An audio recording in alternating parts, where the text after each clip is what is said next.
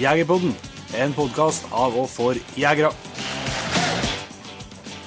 God dag, godt folk, og hjertelig velkommen til en ny episode av Jegerpodden.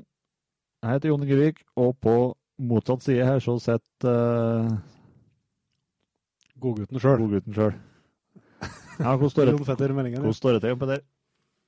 Du, det er veldig bra. Uh, vi har jo en ny og god og lang episode på gang her om beverjakt. Ja. Uh, og så har vi jo har vi jo fått oss litt nytt utstyr her. Ja.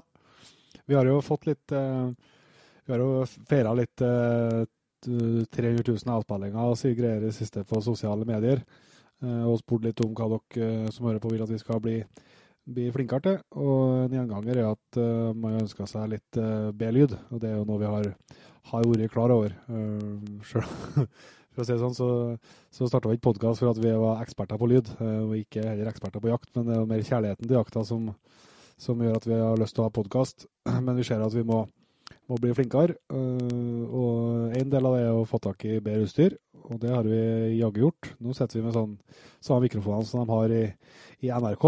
Yes. så nå kan vi ikke kan vi skylde på det lenger. En god kompis som har hjulpet oss i gang med det. Uh, men uh, det er jo ikke dermed sagt at vi kan jo bruke det utstyret. Nei, det er litt, uh, det er litt annet opplegg der, ja. Det er jo litt, stiller litt andre krav til oss at vi må være flinkere til å, til å prate skikkelig inn i mikrofonen. Og det er jo, det er jo litt for mye for lang av oss, oss stående. Men vi må nå prøve. Ja.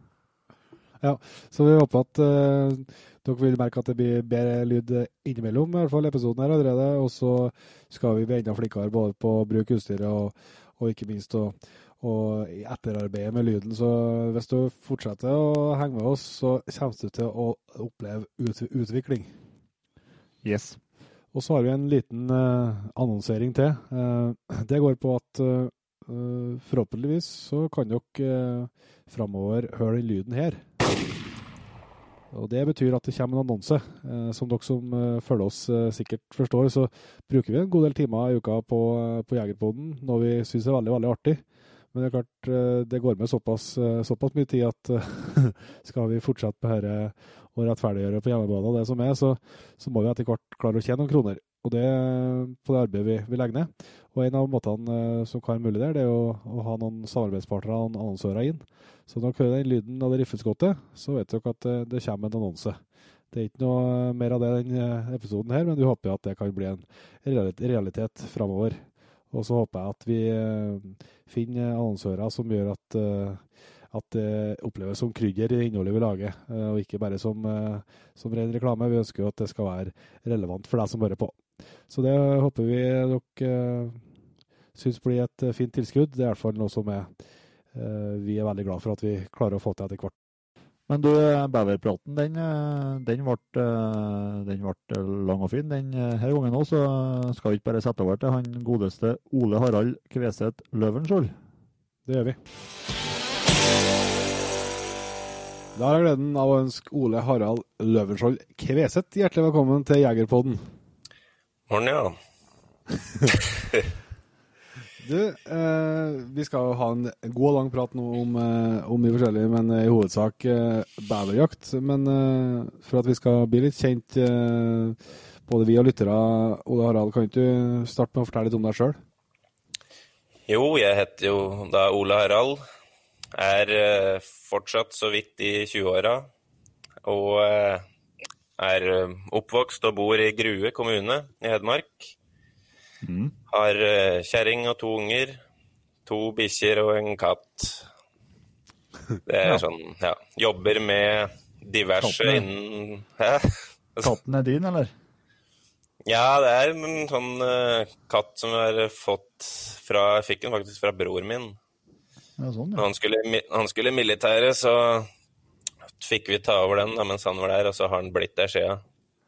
Den er sånn diger, ligner litt på gaupe, sånn main Coon, så den er ganske diger. Sånn, ja, sånn ja. fanger, fanger det meste. Nærmest du kommer gaupe? Ja, det er nærmest jeg har vært gaupe, i hvert fall. Yes, nei, fortsatt, du. Hva du Ja, med- jeg s- prøvde å si at jeg jobber jo med diverse innen skog, da. Så det er sånn alt fra planting av trær til høgging av trær. Ja. Så jeg pleier å si Så er i utlandet, så pleier jeg å si at uh, hugging trees, det er jobben min, da. Ja, ja, ja. Skik skikkelig tørr vits, da. God- god- god- kar. Så trenger Men du ikke jo en eh, Ja. Du er jo ikke Jeg vet jo du hogger tre, men du, du er forholdsvis stabil i motorsaga, etter hva jeg forstår. Ja, det jeg har ikke tenkt på den før nå, at jeg er jo egentlig litt lik beveren der, da. At vi liker å hogge trær. Så Ja. Men jeg driver jo litt med motorsag, ja. Men det Det er eh, Ettersom, etter, ettersom, du, er- ettersom du er så forsiktig her, så kan jeg si at uh, vi kan jo gratulere dem med andreplass i, i VM på, som var på hjemmebane her. Jo, det, det er jo bra. Men det var litt surt, ja. men det Ja. Nei, det er jo artig å konkurrere, da, så Ja. det kan man si. Eh, eh, jakta, da. Hvordan, hvordan eh, kom du i gang med jakta? Hei, Ja, det er jo Ble jo på en måte oppvokst med elgjakt, da. Det er det Ja. Vi har jo skau sjøl som Som da når jeg vokste opp, så var det jo bestefar og både mamma og pappa jakta jo det der sammen med noe slekt og venner. Ja. Så elgjakta har jo liksom vært med helt fra førsten, da. Mm. Men de jakta egentlig ikke noe annet, så, så det har liksom vært elgjakt opp igjennom. Så jeg Ja. var, jo, var jo Jeg vet ikke når jeg var med første gang, eller sånn, men jeg husker første gang som jeg var med på elgfall. Da, det var, da var jeg ni år, i hvert fall. Det husker jeg jo husker jeg ennå.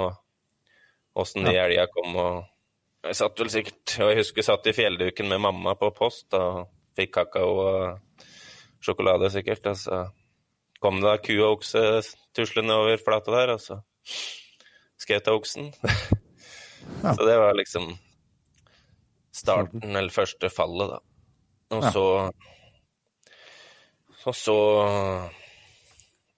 Ja, da var det vel både litt løshunder og bandhunder kanskje da tidligere, det husker jo ikke jeg så mye av, men da året etter så fikk vi en ny bikkje som jeg da på en måte har vokst opp videre med, da, sånn i jakta.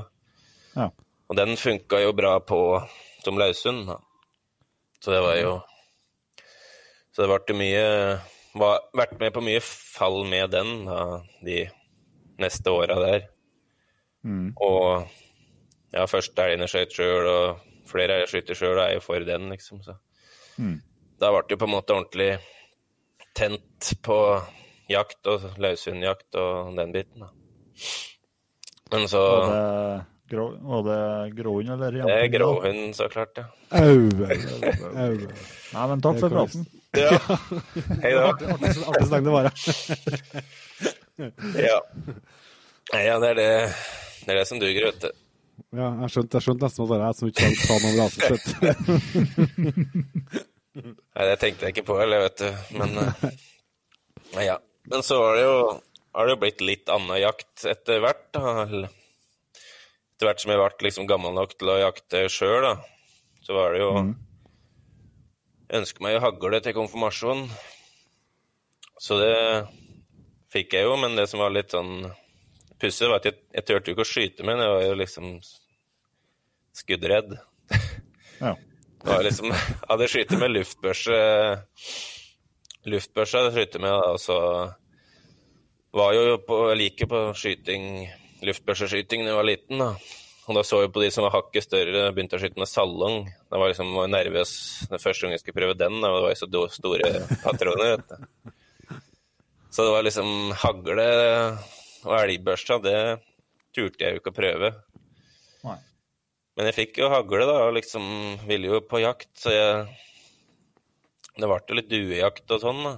Satt ut lokkeduer, og duene kom og fløy inn, men jeg Så det ble så jeg prøvde å skøyte fra hofta, da. det var jo Det var jo garantert ikke noe mer behagelig det enn å ha den i skuldra, men det var liksom Føltes tryggere da? skikkelig opplegg, vet du. Og sånn var det jo egentlig da videre fram mot jeg ble 16, da. Ja. Og skulle liksom på elgjakt, og da Da ja, Jo, eller først så var det jo Fikk jo lurt med meg mamma opp i skauen på fuglejakt og sånn, altså. Men da var det jo hun som gikk med børsa, jeg gikk bare og så på, for jeg syntes det var artig å være med. Men da Ja. skøyt jo hun ei røy, husker jeg, en gang der. Det var jo Det var liksom det an, Det er vel det eneste annet enn elg hun har skutt i, tror jeg. Som jeg vet om. Ja, ja. Men da når det kom den våren jeg skulle bli 16, da, da måtte jeg prøve å liksom gjøre noe med det. da, Så jeg tenkte hvis jeg får tak i en 6,5, det skal jeg tørre å skyte med. da. For det var liksom 308 som alle hadde hjemme, da, så det hadde vært på skytebanen og sett på det. Det turte jeg jo ikke å prøve. Det så jo så fælt ut. Ja. Smalt da sto vi, da. Så da ble det en 6,5 på villmarksmessa på Vikingskipet den våren. Ja. Og da var det jo rett hjem, og da var liksom innstillingen klar at da skulle jeg jo tørre å skyte, da. Og da tok første skuddet da, så var det jo liksom Da var det jo på en måte greit, da. Da var det jo ikke noe Da prøvde jeg børsa til mamma i 308, og så var det rett hjem og prøve hagla, og da var jeg på en måte over den, så det var liksom Kom over kneika. Kom over kneika. Det er jo litt sånn pussig å tenke på nå at, at, det, at det var sånn. Ja, skal han ha kred for at du forteller det? Ja, det er jo liksom det jeg tenkte. Det kan jo være andre som Det er jo sånn, du hører jo ikke så mye om det akkurat, at en liksom ikke tør å skyte med børsa, men det, det kan jo så klart være, være noen som har det sånn, så da er det mulig å komme over det. Men, men da var det jo Da ble det jo mer jakt på meg òg, da. Så det var jo liksom artig å få jakta sjøl òg, ikke bare se på. Jeg skutt fra Ja. hofta.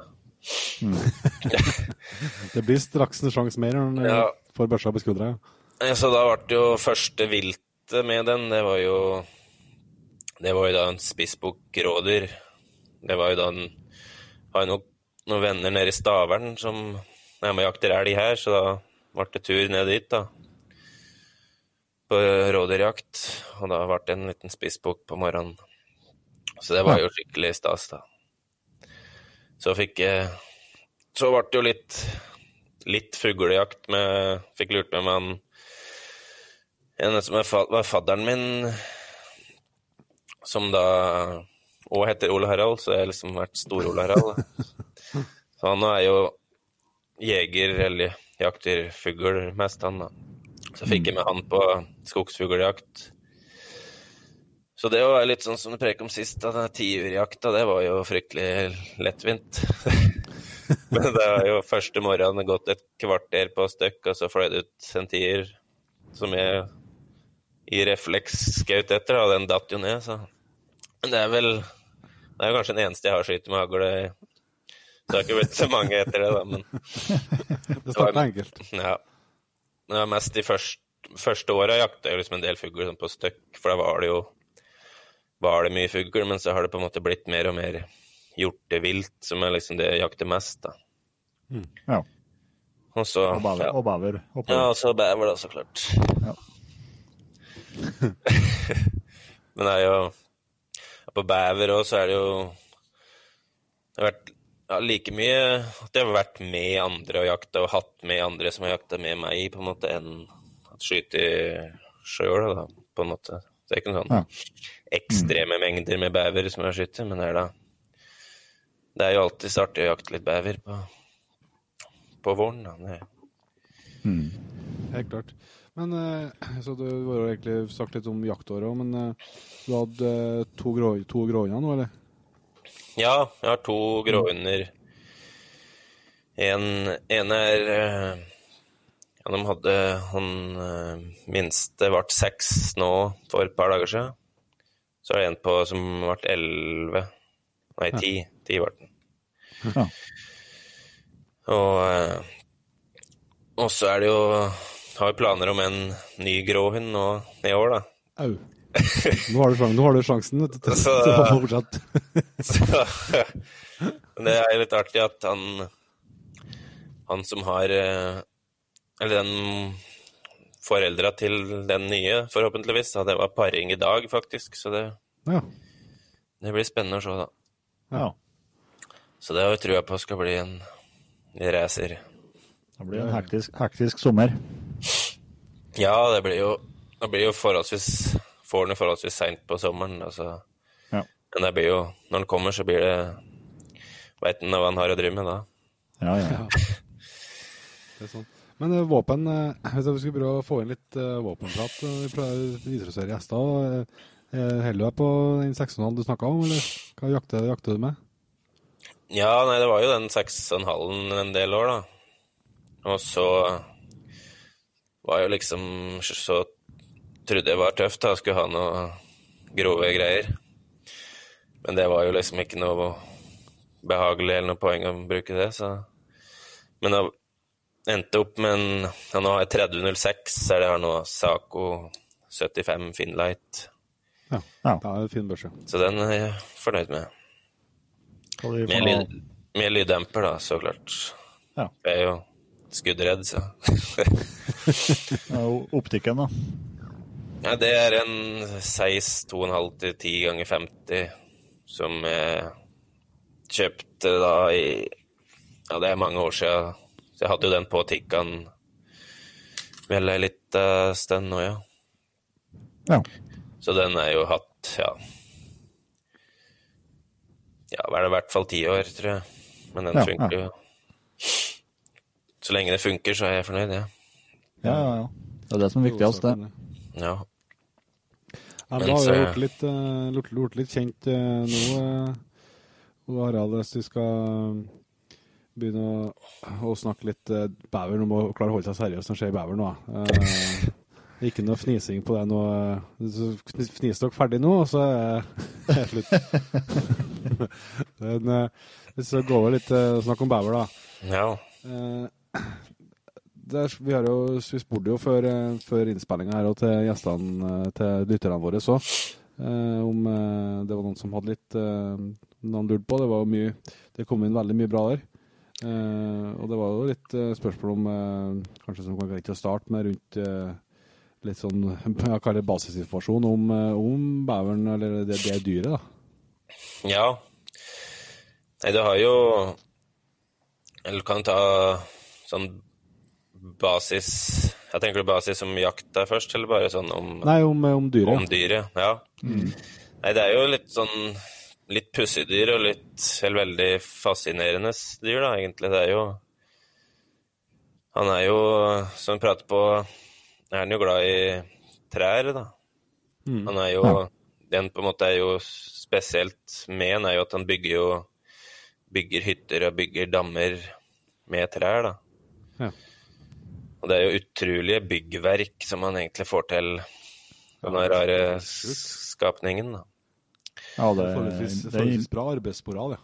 Ja, så det er jo Men så er det jo Det er jo så klart noen praktiske grunner til at han driver med den bygginga òg. ja. Det er jo at han eh, Sånn i utgangspunktet så er han jo ikke sånn avhengig av vann sånn egentlig. Men han, han liker det jo så klart for å gjemme seg, eller det er der han er trygg fra fiender og, og slikt, da. Men så er det jo Nei, når det kommer til vinteren, så er han jo Du ser jo ikke noe bever om vinteren, men det er jo ikke fordi han ligger jo ikke i dvale sånn, eller hi, sånn som bjønnen, på en måte. Men han er jo Han er jo i hytta, men da For at han da skal kunne ha mat og sånn gjennom vinteren, så er han jo da avhengig av å demme opp noen områder, hvis det ikke er ei stor elv eller et stort vann. da. ja. Så demmer den opp. det Kan være bare en halvmeter stor bekk som er nok der. Så Demmer den opp og får et større vannspeil altså, som er litt mer dybde på. ja. Og da har den jo da Da feller den jo da trær ut i vannet som han da Som da greiner eller kvist blir da liggende under isen på vinteren. For da er det da såpass dypt at det ikke båndtæler, da. Så og han også, kan òg ta kvister og sånn med seg og sette i bånd på, på vannet for å ha noe å ete på vinteren. For da har jo da ganger fra hytta da, ut, ut i vannet under isen, og så er han og henter seg mat da, og tar med inn i, inn i hytta. og har jo på en måte en slags spiseplass og en slags oppholdsplass og soveplasser, på en måte. Altså. Ja. Og ja, beveren lever jo De har jo på en måte et slags territorie og lever i kolonier. Så det kan være Det er jo da ofte et foreldrepar da, som bor der, og så Som har får uh, unger utpå våren, og så kan de unga være med i liksom gruppa både ett og to år før de, før de, de blir gamle nok til å dra ut og finne seg en egen plass. Da. Så hvis du da har, har en koloni med både ettåringer, toåringer og foreldre, så er det jo kan være en bra skokk med bever som holder til der. Ja, og når, når, du ser koloni, så er det liksom en ansamling med bevere på, ja, på ett område, en, et, et område.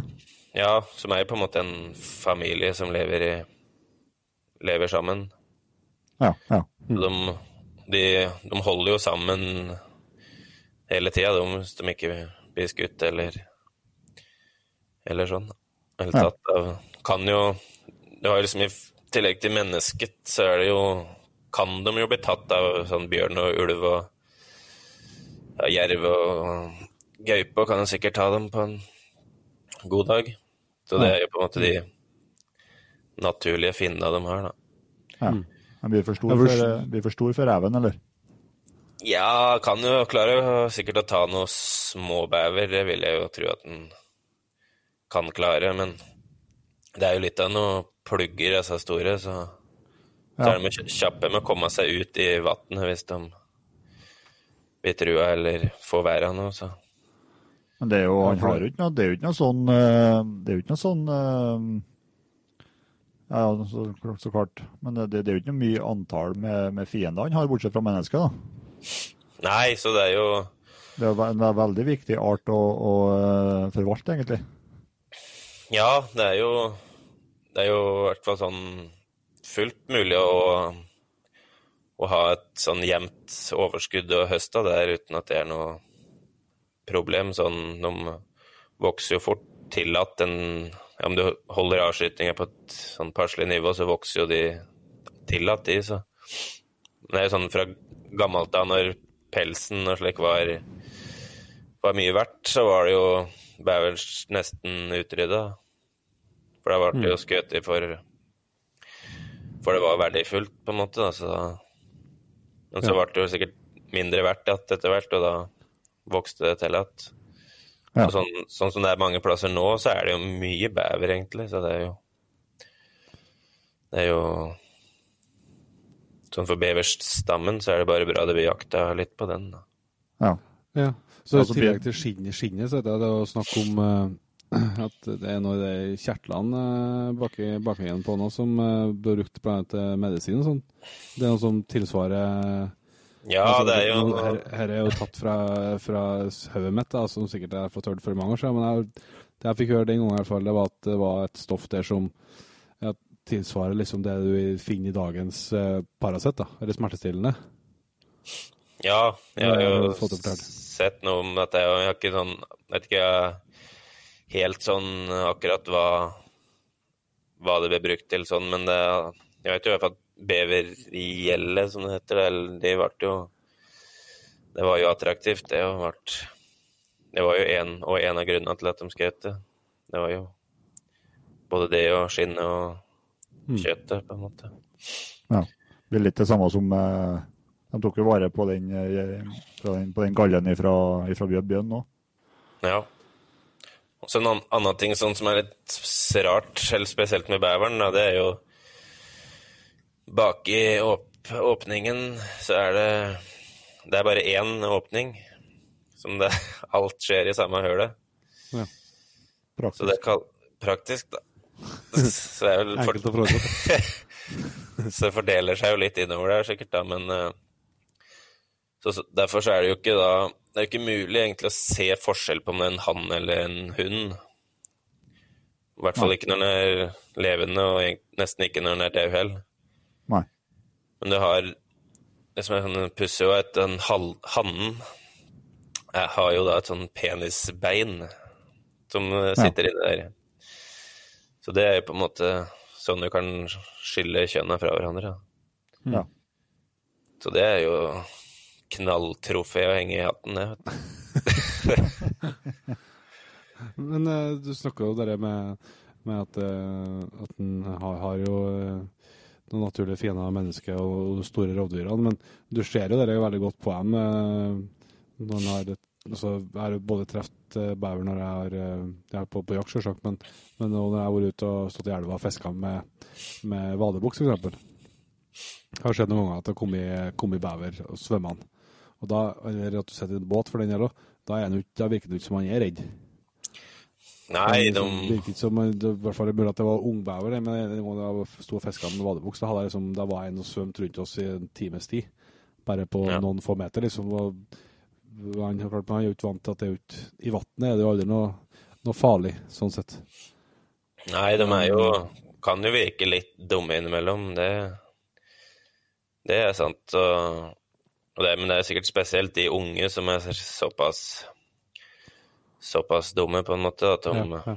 Men du har jo Det er jo liksom lukte, Luktesansen er jo bra på dem, så Sånn på jakt, da, så er det jo Så lenge du har riktig vind og er noenlunde stille, så kan du komme ganske så nærme innpå innpå der uten at det, det gjør noe. Men så er det jo så fort, fort de får vinden av det, når du føler at det er noe truende, så er det jo rett ute i vannet. Ja. Og, ja, det er jo ofte sånn når det kommer en bever svømmende og skal sjekke deg opp, hva som, eller hva det er, da, så så ser du at den ligger liksom og vipper med nesa og lukter, da. Og så, så fort den fort den får lukta eller skjønner at det er noe, noe farlig, så er det jo plaske med halen og dukke under.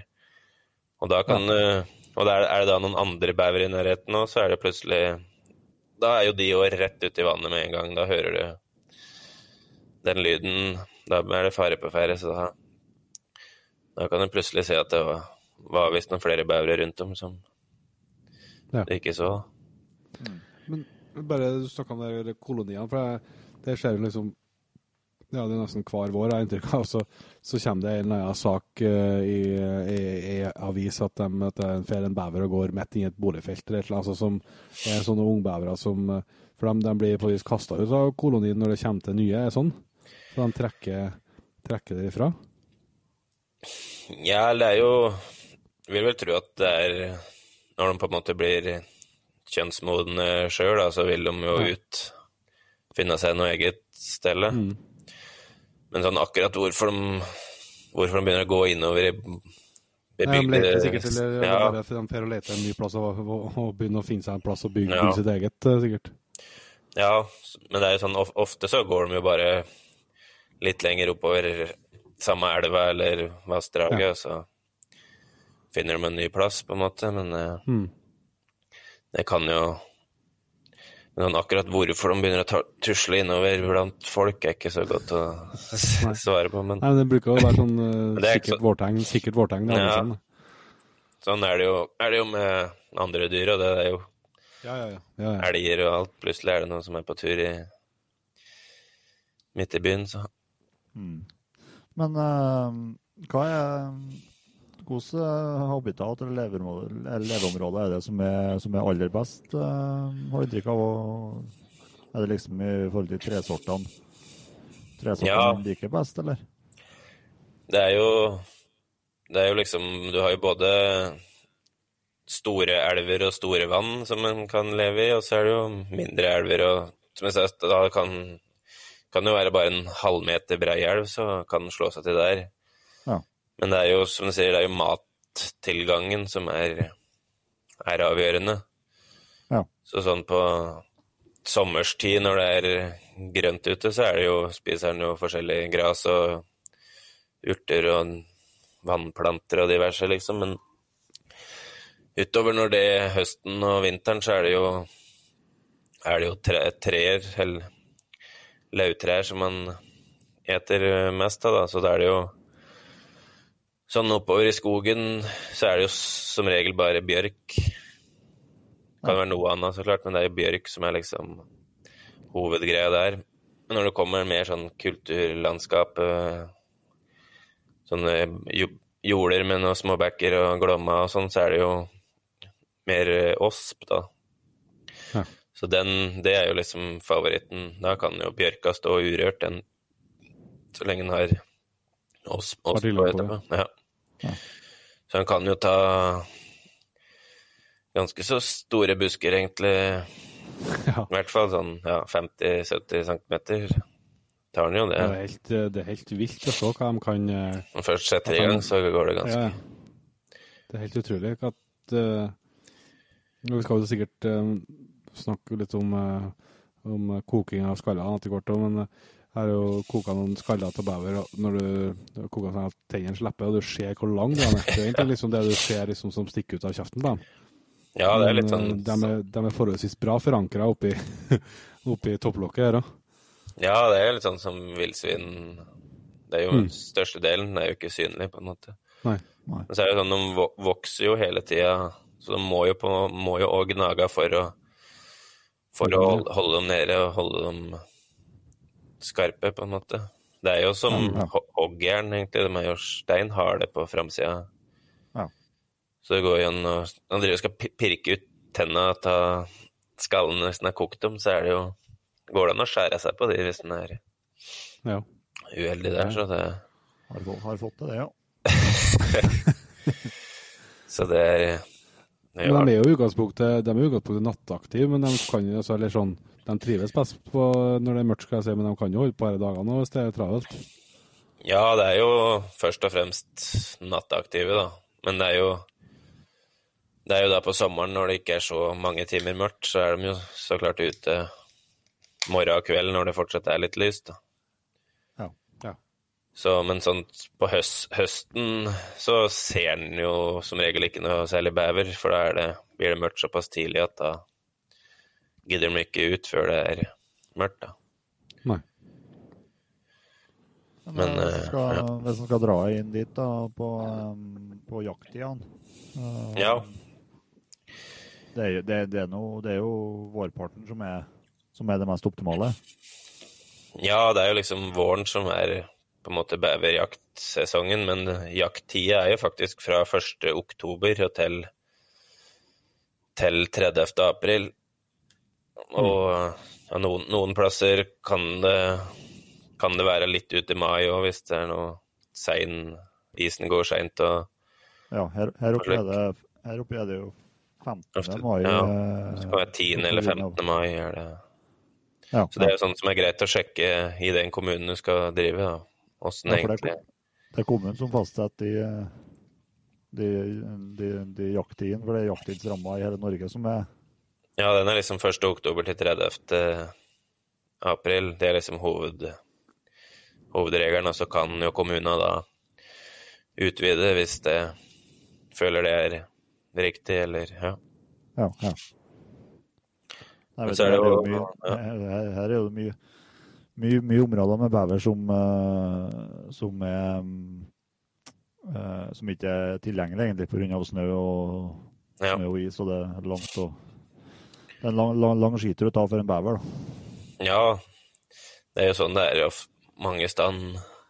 Så det er jo sånn som her her også er det jo så klart nede i Glomma og slikt det går, isen går først. Det er jo lengst opp i skauen der det er høyest over havet, er det ikke sikkert det tiner tidsnok heller, så. Nei. Nei. Men da Jeg tenkte Nå var jeg inne på den kommunen, da, på, så er det jo Tidligere så var det jo sånn at det var Var det jo bevervall på lik linje som eh, på en måte elg og rådyr og slikt, da. Ja. At det da på en måte ble gitt ei kvote i vallet, og så var det da grunneiere i vallet som på en måte forvalta den og ga ut kort og og ofte kunne jo søke om flere hvis det ble fullt, da, eller Men sånn er det jo ikke nå, nå lenger. Nå er det Nå er beveren på lik linje som uh, anna småvilt, da. Så det er egentlig bare å ha, ha grunneiers tillatelse, og så kan du på en måte jakte, og da teoretisk skyte så mange du vil. Men det er jo Som regel så er det jo er det jo ofte noe grunneierlag eller eller da større, større områder som allikevel har en aktiv beverforvaltning på det, da, så Så det, er- det er ikke sånn at det blir skutt alt som er allikevel, men Nei. men du, du kan spørre en grunneier som har ei elv, og så kan du jakte, liksom. Så det, sånn Ja. sett så er det jo lettere lettere tilgjengelig, på en måte. Men det er jo litt sånn spesielt med den uh, jakttida på bever sånn sett altså imot andre uh, flest andre vilt, altså med, med tanke på drektighet og sånn, da. Ja, det er jo litt sånn derfor er jeg litt skeptisk til det å ha jakta litt ut i mai, da, for det er jo det er rundt midten av mai at de unga blir født, da. Mm. Så hvis du da så skyter en bever 15. mai, så kan jo risikere at han eller at hun har født unga alt, og de ligger inne i hytta, så det er jo liksom ikke så koselig akkurat, men Nei. men så lenge du da holder deg i april, så er ikke det noen, noen fare sånn sett. Nei. Men uh, uansett så prøver han jo prøver jo ikke skyte skyte noe direkte hubever. Det er jo Nei, Men det som er jo sagt, det, Nå er Det kan jo noe, være- noe, noe vesentlig her som er, som er, som er Det er mye diskutert, og, og slettes ikke, slettes ikke lett å se hvordan Nå ble det lyd. hvordan bærer man skal skjøte når det, når det kommer svømmende igjen? Ja, nei, det er jo sa, det er jo egentlig umulig å se forskjell på kjønnene, så, så det eneste du på en måte kan gjøre, er jo ta det på størrelsen, at du ser at det er en liten bever, eller ser at det er en stor, så trenger du ikke å skyte den. Men, Nei, nei. men om du har én en enslig bever som sitter der, så er det ikke alltid så lett å se om den er stor eller liten heller, så Men har, får du da flere sammen, så er det jo plutselig mye lettere så og sånn, ja, sånn da på kvelden, da, hvis du sitter ute på kvelden, så er det jo oftest da at det er den store hua som kommer først, så så du trenger liksom ikke å skyte første du ser uansett. Det går an å, går an å vente, vente og se hva som skjer. Ja, for at det er den ofte den som er ute og, og sjekker forholdene, eh, sjekker forholdene først. Ja, den er jo ofte liksom og sjekker, sjekker at det er trygt, da, og at eh, at, eh, ja, som jeg sa, de har jo også, de har jo også sine territorier, så det er jo de voksne er jo ute på og sjekker om det har vært innom noen konkurrerende bever, eller sjekker grensene sine, på en måte.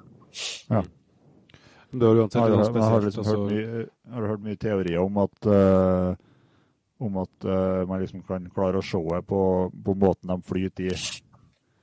Ja, det er jo flyter er høyt eller lågt eller men uh... Ja, det er liksom Hovedregelen der er jo at en stor voksen bever, så ser du bare huet. Er det en eh, si toåring, sånn middels stor, så vil rumpa og stikke opp. Mens er det en liten mini-ettåring, så ser hele, hele ryggen over vann. Ja. Men det er jo alltid Kan det jo være unntak, så det plutselig kan jo komme en voksen som syns litt mer av, og så skyter du den, og så var den visst stor allikevel, så det er jo Men de ett, ettåringene er det ofte lett å se at det er små, på en måte, da. De Ja. Mm. Men eh, det er på en måte Har du Du har jo Som regel har du jo litt tid på det til å På å liksom kikke litt og studere litt, altså. Ja. Så må jo ikke, som jeg sa, må jo ikke skyte den første som kommer med en gang heller. Sånn. Ja, det er på en måte det som, er, det som blir fasiten, da, at man eh, tar seg tida til å til å ta, seg Ja, tida til, til, til, til å ta ut den rette. Det blir jo mer riktig da, da hvis en I hvert fall hvis en vil fortsette å ha litt bever i området, så er det jo greit å spare den de som produserer, da. Klart det. Ja, men så er jo litt, antagelig litt med det at uh, eh, altså det er jo ikke noe Det er jo uansett om uh, du, ungene har kommet, det er klart det er ekstra galt da, men det er jo ikke noe artig å, å skjøte ei- ei drektig ho heller. Men det er jo litt det har en kombinasjon med at skal det være altså det, det er på den tida av året det er mulig å jakte. Sånn, både som du sier med altså Du kan jo få her på høsten òg, men sånn tanke på lys og isgang og alt sånt, så er liksom det det som er er tida for å Det er størst sjanse til å lykkes, kanskje. Så det, det henger vel litt i hop med det sikkert. Da. Ja, det er jo egentlig det, så Så har det jo of, Ofte så er det jo 1. oktober, så har jo de fleste Mange jegere har jo noen andre ting å jakte på da, så det blir jo liksom ikke prioritert heller, så. Men så kan det jo være Det kan jo òg være at du kan få skadefelling på bever, da, for de kan jo gjøre litt ugagn òg, sånn. Både å demme opp at det går over Si det går over veier eller jorder, eller Eller at de Hvis de da holder til i noe elv som går langs noen jorder, og graver seg da inn Lager noen huler innover i, i jorda, så kan jo Har det jo skjedd at traktorer har kommet kjørende og kjørt seg fast nedi de Nedi de, de høla, da. Ja. Så da kan du jo Da kan du jo få skadefelling på dem, og da er det jo så klart Da skal jo alt alt bort, på en måte. Så De, men de, de jordhiene der, er det, er det samme Har de samme funksjon som i bæverød, da? Ja, de har jo egentlig det De har jo, de har jo de, de, de velger å grave ut, grave ut i jorda i stedet for å, for å bygge, bygge ei hytte? Ja, for det er jo sånn Det ser man ofte også sånn i Glomma hvis det er eh, bratt ned til, eh, til kanten, og så får du på en måte ikke Og det er litt strøm og sånn, så får du på en måte ikke plassert ei hytte der på et vettig vis. Da, da graver den seg egentlig bare inn i, i jorda. Men så, så klart fra under vann, da, og på samme måten, men da Men da Så er sånn hytte eller sånn jordhule er det jo ikke sikkert Det er jo ikke like lett å finne ut hvor den holder til, da. Nei.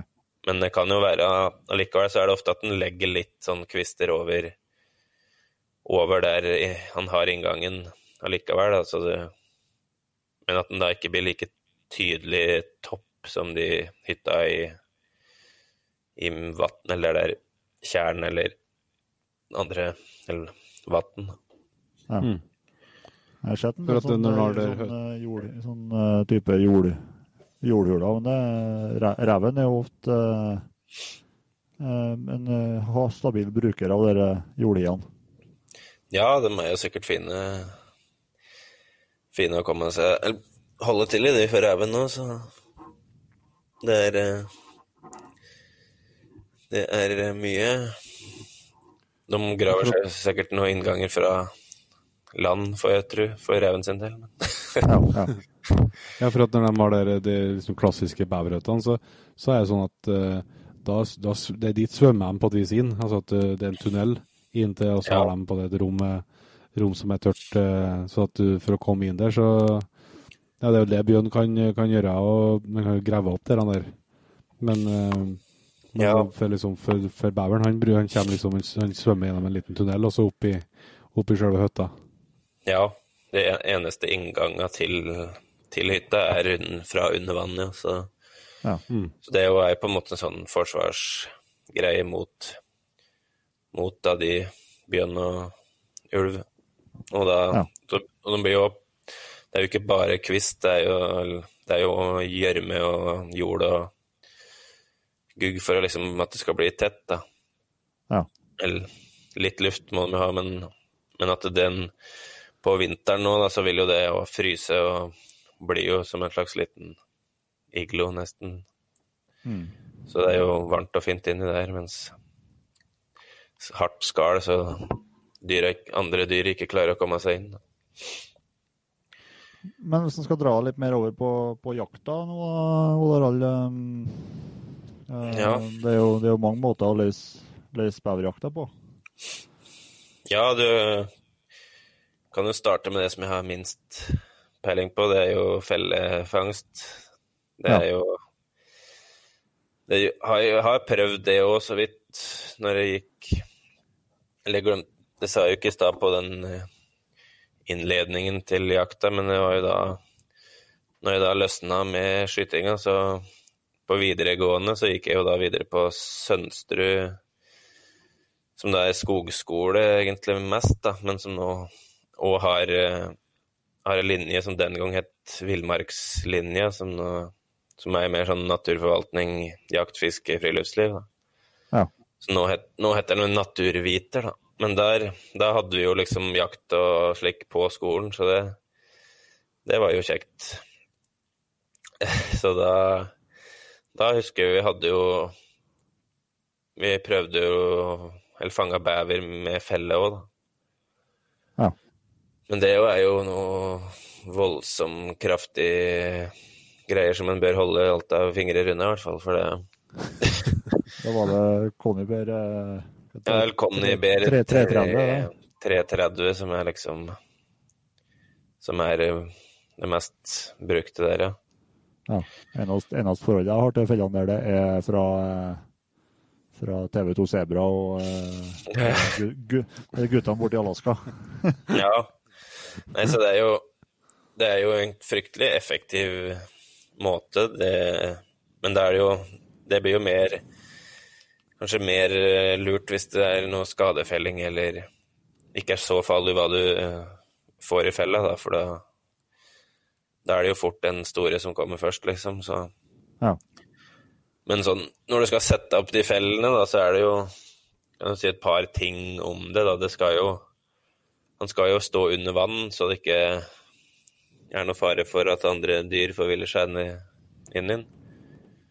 Og da er det jo så klart da små bekker eller der du på en måte tvinger beveren inn i fella, som er aktuelt, da. Så da er det jo Da er det jo å få plassert fella nedi, nedi bekken, og så på en måte tette, tette med stokker, kvister over og under og på sida, så tvinger den til å gå gjennom fella, da. Så da Det er jo effektiv måte, det, så. Det er kanskje er det, er det, er det, det, det vil nå vel være mer egnet og mer lett å få til på, på eh, ja, små bekker og sånt. da. Ja, det er jo Det er jo små bekker eller der du ser Hvis du ser en har en plass han går ofte opp på land, f.eks., så kan du jo Ja. prøve å montere noe nedi, nedi der, men Ja. Men liksom små bekker eller små Små sånne sideelver. Ja, sideelver. Mm. Da er det jo som alle, all annen fellefangst, så er det jo Skal jo merkes, så klart, med navn og, navn og nummer, så Og slikt, da. Men det er at den skal stå under vann, som er liksom viktig, da. Ja. Og så Ja. Men det, så det er jo på en måte en ting som er kan være mer lett, lettere å få til på høsten, da, hvis en absolutt vil ha gjennom bever da også. Da er det jo lettere med feller enn med satse på at den skal komme ut i lyset. Ja. Det er klart.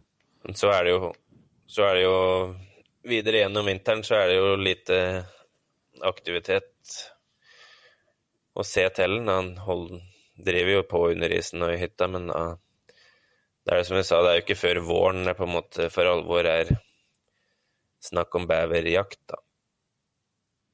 Så da er det jo Og det er jo lov med både hagle og rifle, men eh, rifle er jo helt klart å anbefale, da. Det skal du bruke det, Hagle er jo Så klart er det under ti meter, så er jo det effektivt, det, men det er jo Det er jo ikke alltid like lett å Eller er det rette stella, så er det jo så klart får du dem jo på ti meter, da, men det er jo så klart jo en av Jeg skal ikke så, skal ikke så mange, så mange bevere, men eh, en av eh, en av dem det skutt Da var du med Nyggen og skutt skutt med hagl. Det var en, eh, Ja, det var en art, artig situasjon, det. Det var, så, det var lita, det var en liten sideelv mellom to vann som vi, som vi for og gikk etter. Ja, bare for å gikk på liksom lik og smøg oss litt, eller smøg og smøg, gikk noe prata skitt og langs eh, den den kanten der. Og så så vi så vel så en en tur først. Ja, vi så den, så den lenger opp i elva, men han ble, han ble borte. Ja. s- Så gikk vi langs med elgkanten der, og så, så Jeg tror at jeg sa faktisk sånn som at Der er noen bever. så, ja, det er en bever, ja. Og så, så røk han noen der, da. Ja, det, var, det var bare en fire-fem meter, det. Han bare plutselig ploppa opp på sida av oss. ja. Det, tror jeg var, Ja. men det var jo fordi han var nysgjerrig. Ja, det, var jo, det, var, det var jo en sånn liten Det var en ganske liten en. Ja, ja, ja. Det var liksom for å være nysgjerrig og komme opp her og se hva det, se hva det var for noe. Mm. Ja. Nei, men hvis du har du, har du en sånn mindre elv da, som, som du ikke ser så fryktelig langt, og beveren kanskje svømmer Bruker elva for å komme seg fra hytta til der den skal beite, eller sånn kommer svømmende forbi på kort hold, så er jo det Da er det så klart mye bedre med hagle enn rifle da, da. Ja. Og så er det, jo- litt, det er jo artig å få dem nært, da. Ja, det er jo ekstra artig, det er så klart. da. Så er det jo òg Og kan jo være Det går jo an å jakte med, med kano, for eksempel, nedover noen småelver, eller ja, Det går jo så klart langs kanten på noe store òg, men Ja. det jo kan jo være spennende måte å bare drive nedover elva med kanoen, så sitte ha en med hagle framme i tuppen der som Mm. Så det er bare å se at uh, det er jo litt tøft. Sånn, de, de jakt, uh, sett, sett litt uh, jaktfilmer med beverjakt. Det, det har jeg ikke testa ennå. Ja, som du ser bare ved kano. Det syns jeg jo ser utrolig eh, herlig ut, altså. Ja, det er jo liksom Det er jo mye mer eh, idyllisk enn å sitte her på post og fryse, i hvert fall. Eller du sitter jo på kano nå, da, men det er i hvert fall, da skjer det i hvert fall litt. Og, Ja. og liksom får bevega seg egentlig helt lydløst nedover og Og ja. Altså, men det er jo det er jo ikke uten fare, det heller. Det er jo mulig å bikke uti. Ja, i hvert fall litt sånn vår, vårløsning og ja. Vårløsning og glomma på i Canada kan jeg se for meg kan være Så det er mest å anbefale hvis det ikke er for stri strøm, i hvert fall. ja. Og husk redningsvest, da. Ja, det, det er, eh, det er ikke så tøft å ligge ute Det er ganske kaldt vann på når isen flyter rundt, så Det har eh, Det er, det er noe eh, kanskje uansett en fordel å ha med seg en båt, da. Eh, Dæken ta det vært noen kalde runder for å hente til beverne eh, både i Glomma og Namsinn, i hvert fall eh, til meg. Ja. Ja, det er ikke alltid en får tak i en så lett, så det Det går an å få seg et kaldt bad da, ja. Ja.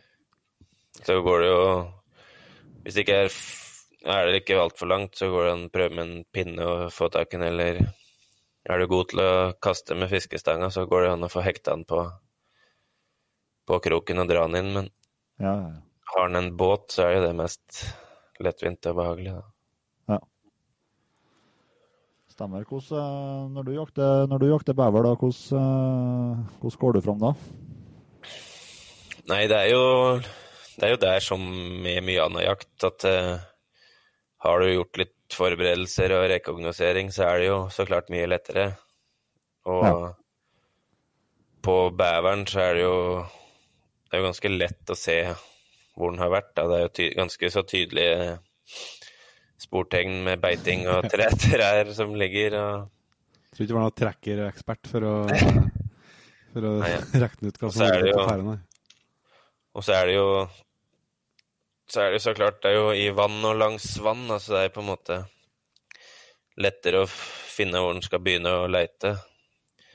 Mm. Men så er det jo sånn det, kan, det skjer jo at beveren på en måte bare er på farten gjennom, og så du kan finne en fersk beiteplass og tro det er bra, men så kan hende den beveren bare har vært på forbifarten, og så kan du sitte der mange dager uten at du egentlig får se den, da, hvis det er Men er det på en måte finne ut at det er ei hytte som det er som de bor i, og det er liksom Det er litt ak ordentlig aktivitet, så er det jo Kan det jo være ganske På en måte Da er det jo lett å få tak i dem på et vis, da. Ja, kan ikke du si litt om dere Du snakker om beiteplass. Hvordan, eh, hvordan, liksom, hvordan skjer forskjell på en eh, beiteplass og en arbeidsplass, for å si det sånn? Ja, det er jo liksom Der de har felt trærne og, og sånn, er jo ikke Det er ikke alltid det er der de sitter og eter. Nei. Du har jo De tar jo med seg ofte kvista opp og sitter liksom i vasskanten og spiser, da. Så da- kan det ligge haugevis med med sjøllysende pinner, nesten. De får av barken på dem og er ferske, så er det jo lett å få øye på. Ja.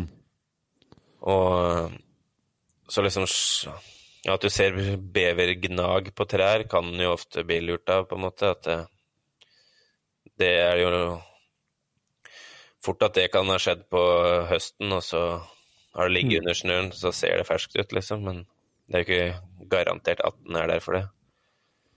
Men da er det jo, det er det å se etter spor på snøen eller i gjørma, da, som er For den er jo det er ikke noe sånn lett på tå, så det blir jo, blir jo liksom slepespor etter den. Altså, jeg ser jo tydelig hvor den har vært. Ja. Både etter Ja, er det liksom litt sånn blaut sand, så ser du jo på en måte fotavtrykk og halen og alt som har gått bortover. og Ofte så har den jo sånne faste plasser han kommer opp, så da ser du jo stier etter den, egentlig. Ja. Og så har han sånn eh, Har mye sånn uh, rut, eh, rutsjebaner, det kan du kalle Ja. sånn, eh, Ja. der, han, der han slipper seg ned i elva igjen. Det er jo bare som ei grøft, nesten det. Ja, så han er jo Han har jo på en måte planen klar for å komme seg vekk fortest mulig, så han Ja. Så han uh, utryller hvor kjappe kladden kan være, hvis han, hvis han vil. Da. Men, men så er det òg Det skjer jo at den går gans, kan gå ganske langt opp på land òg. Altså hvis den, den kommer Kan jo skje at den kommer imellom vannet og beveren, og da kan den jo frese litt, da, men Men uh, som regel så holder den seg jo tett på vannkanten når den, hmm. når den driver på, så Beveren er kanskje et av dyrene som du, Petter, klarer å springe igjen. Ja, jeg skal ikke, jeg skal ikke love noe, men det er klart i rett føre så kan jeg være skummel. Det, ser ikke jeg bort fra. Jeg skal jeg, jeg, jeg, Kanskje Jeg vet ikke om, det- er hurtighet eller utholdenhet jeg tar på, men eh, jeg skal nå jaggu meg prøve, ja. ja. Men eh, vi sa, du sa jo det eh, i stad, eh, Odd Harald, om, eh, om eh, at det ble for en- endring fra liksom kvota til, til at det regnes som småvilt. Så det vil jo si at det, i hvert fall i teorien skal være forholdsvis greit å, å skaffe seg jakt, hvis man ønsker det. Altså både til Statskog og fjellstyrene og sånn, altså med å løse et uh, småviltkort som du kanskje allerede har fra, fra fuglejakta. Uh, Nytt Eh, jaktår, vet du. ja, ja, men altså som du uansett skal ha, da. Hvis, hvis du har mulighet til å kjøpe sesongkort f.eks. på et område, så Ja. har, du jo, har du jo med må du ha med den uh, beverjakta, da, hvis det, er- hvis det er et småvilt, liksom. Ja, som regel fortsatt så er det med å splitte der på jaktkortet, da, at det, du har eget kort på bever, på en måte. Ja, ja. I hvert fall ja, de Når jeg sjekka opp litt rundt her, så er det jo Da er det liksom eget kort på bever, ja. Så Men det er jo Det kan jo være andre plasser der alt er Alt er inkludert, på en måte, men det er jo hmm. greit å sjekke opp, i hvert fall, da. Ja. Jeg tror, det, jeg tror det er samme her òg. Det, egne- det er egne kort til, til bever, ja. Ja. Okay. Men det kan jo Det er jo sikkert Stryk det. Det er sant. Men det, det, er jo, det er jo opp til grunneier eller grunneierlaget eller sånn, det å Ja. avgjøre åssen de vil gjøre dette. Om det er Ja, og priser og alt sånn, det er jo opp til rettighetshaver, det, på en måte, så. Ja. Det kan jo Det kan jo være alt fra gratis til x antall kroner, det. Så. Kikker du nå på, noe på vær og vind og sånn eh, når du skal ut, eller? Er en, en mer aktiv når det er finvær enn enn når det striregner? Ja, han er nok, han er nok mer aktiv når det er finvær. Og så er det jo og så er det òg mye lettere å få øye på den da, når det er klart vann og Og er det bølger og sånn, så er det jo kan jo den beveren komme svømmende forbi uten at du ser den, den egentlig. Ja. Og ja, og så er det jo Det er jo ikke noe ja, Klart, har han lyst til å sitte ute og bli blaut i regnet, så kan jo det, men det er jo mer, mer behagelig å være ute når det er er eh, oppholdsvær, i hvert fall. Da. Mm, mm. Ja, og så er jo Men det eh, er det som er, så, det er det som er Nå skal jeg ikke avbryte her, eh, bare, men i hvert fall det er det jeg ser på som det aller fineste med hele beverjakta, det er jo dere Altså, det er årstida. Det, det er jo så Ja. knallfint å være ute. Eh, Ja. Hvis du liksom planerer de dagene der det er finvær og oppholds og vindstilt, det er jo det er jo så mye liv i skogen med fugl og lyder og, og behagelig temperatur og alt. så ja. kan liksom skjøt, skjøten seg en bever, så det er bare liksom bonusen eller toppen og prikken på i-en på hele turen.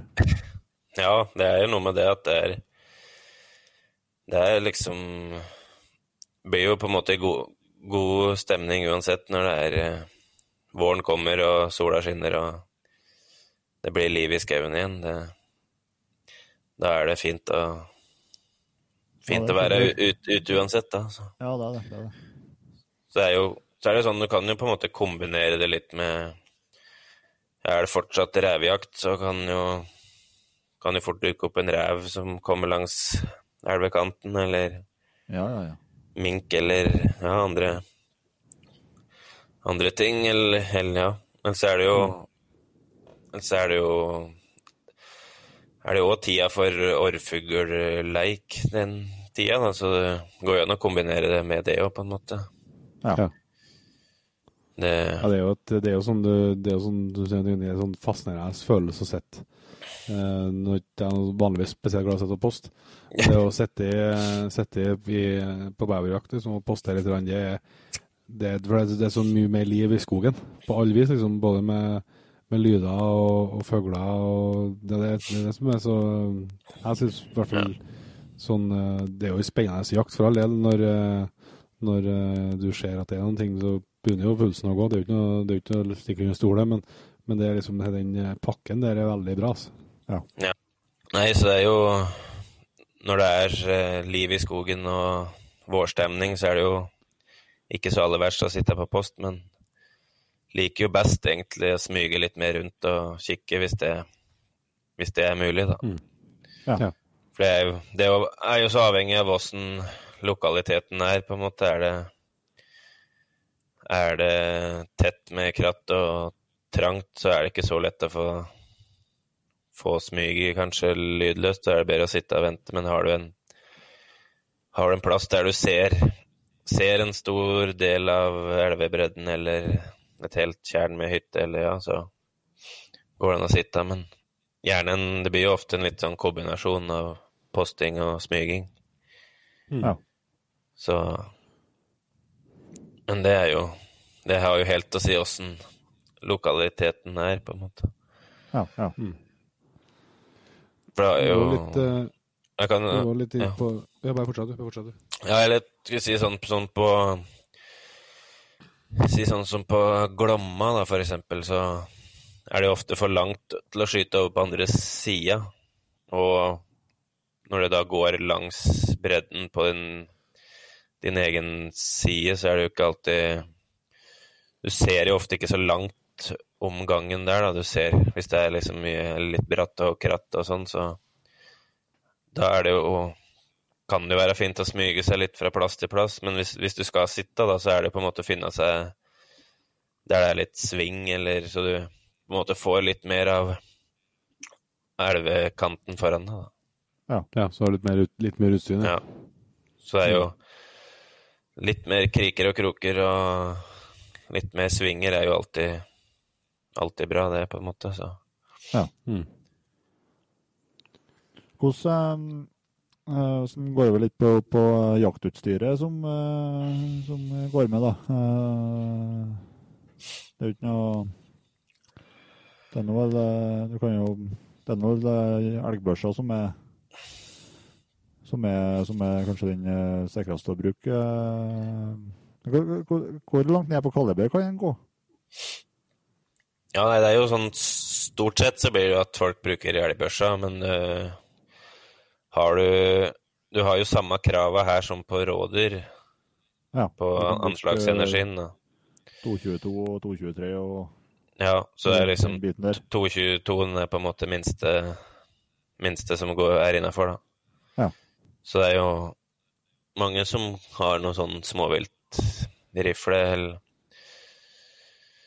kombi eller ja, et eller annet som ikke, ikke funker på elgen, men som du kan bruke på dette, da. Så det er jo Ja. Og det er jo ofte mye av de kalibre der som kan være litt ekstra fartig, da, så Men sånn som regel så sitter kula der den skal, så ligger den jo, men det er jo Ja. Har du litt, litt ekstra fart og litt mer sjokkeffekt, på en måte, så er det kanskje ha- hakket større sjanse for at den blir liggende, da. For det er jo en vesentlig ting at den blir liggende i smellen, for den blir fort borte hvis den kaster seg ut på vannet. Eller eh, Ja, da, da er den jo på en måte I hvert fall veldig ofte er den jo da låst. Bort, da. Mm. Men jeg har jo, har jo vært borti det at det er skutt på bever, og så hopper den Sitter i kanten, og så skuter du, og så velter den seg uti og blir borte. Men så plutselig kan du få øye på, øye på den igjen, da. Ja. At den, at den dukker opp, men da er den jo liksom helt musestille. Altså den bare ligger i huet som stikker opp helt i, helt i vannkanten, så Så det er Det er jo Må i hvert fall ikke gi helt opp sjøl om den blir borte med en gang. At den i hvert fall tar seg tida til å sitte og kikke godt. At den kan faktisk dukke opp igjen, da. sjøl om oftest så blir den borte hvis den først blir borte. Men Ja. Men jeg du det er litt om den eh, skudd, skuddplasseringa, og liksom litt sånn eh, Både det og litt sånn skjøting i, skjøting i, i vann. Eh, ja. altså, men hvis du tar liksom på sånn, Hvis du, du er ute med rifla og du lokaliserer den på, på land eh, på, på, på greit hold, eh, prøver, prøver du alltid å skjøte den i hodet, eller eh, hun du den i, bogen, eller hvordan eh, Hva prøver du på? Nei, det er jo det er jo Bogen er jo største treffområdet, så klart. Eh, Eller det er jo Det er jo ikke fryktelig stor den heller, men det er jo Har du sjanse på Bogen, så tar du jo den. Men det er jo det er jo ikke langt Det er jo ikke noe særlig nakke på den, så det er jo ikke langt mellom bog og nakke og hue, liksom, så Men eh, Men har du Sitter den med breisida til, så tar du den jo midt i midt i kassa der, ja. Mm. Men da er det jo da, når du ser midt i kassa, da, da setter, altså når den midt i bogen. Ja. Ja, altså på, på, liksom på fram, framfoten. Ja. ja. Mm. Men så er det jo der å Heter det fot på Bæverum, Peder? Det er jo faktisk mer eh, likt en arm eller hender, vil jeg si. Åre. Året, ja.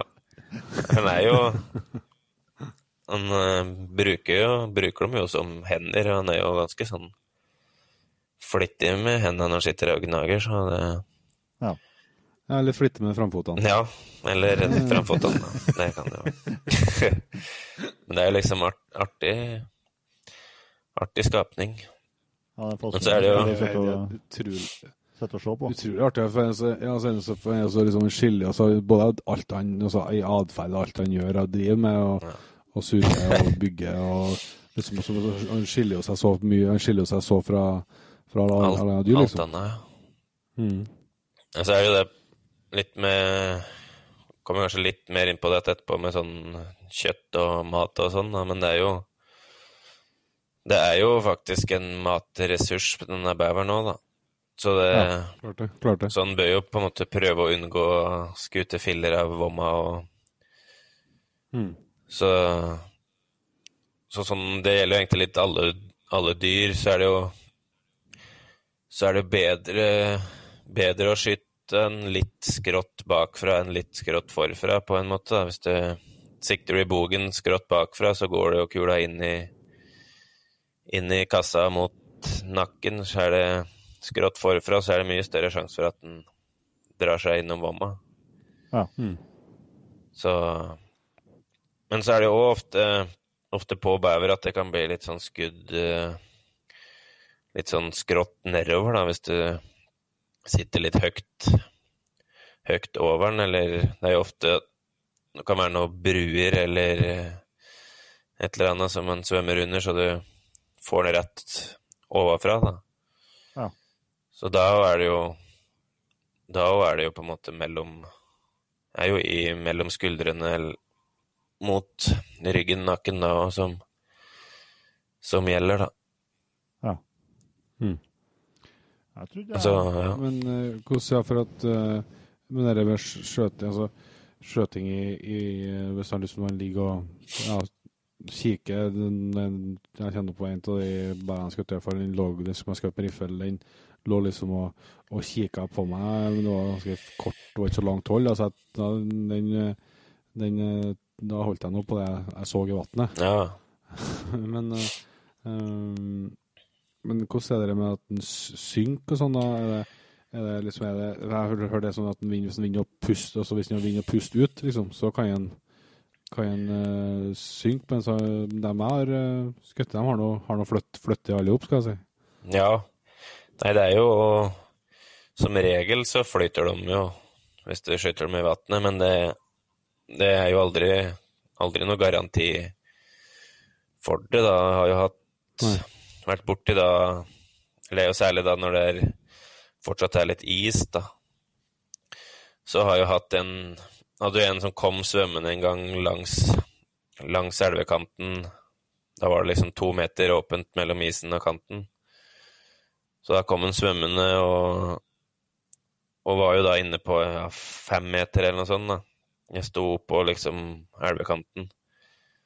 Og da blir det sånn eh, skrått nedskudd da, mot, mot liksom huet eller rygg, da. Da klapper de jo som regel sammen med en gang, men den lå jo da liksom Lå jo bare én meter fra land, men da, før jeg rakk å komme meg ned dit, så hadde den litt kramper i beinet, da, så den liksom padla seg bort mot isen. Og så da at den liksom siste Siste taka med Eller krampetaka med beinet, og så forsvant den under isen og vært borte. Så det Ja. Sånn ve- veit du jo aldri, liksom, men Men uh, som regel så vil de jo bli liggende. Ja. Men det er sånn, når jeg er inne på sånn skyte i vann, da, så er jo det så klart noen må tenke seg ekstra om noen skal gjøre det, da, både på både på sånn kulebane og at eh, at en veit hva som er i bakgrunnen. Hvis det Hvis du da bommer og kula rikosjerer videre, så er jo Kan jo det være litt dumt. Så Ja. det må i hvert fall må i hvert fall vite hva som er bak, da, og og, og da, ja, så klart, jo kortere hold det er, og jo brattere vinkel det er, jo bedre er det jo egentlig for for å skyte i vannet. Du har jo får større blink hvis du får den mer ovenfra. Under deg, Ja. Ja, ja.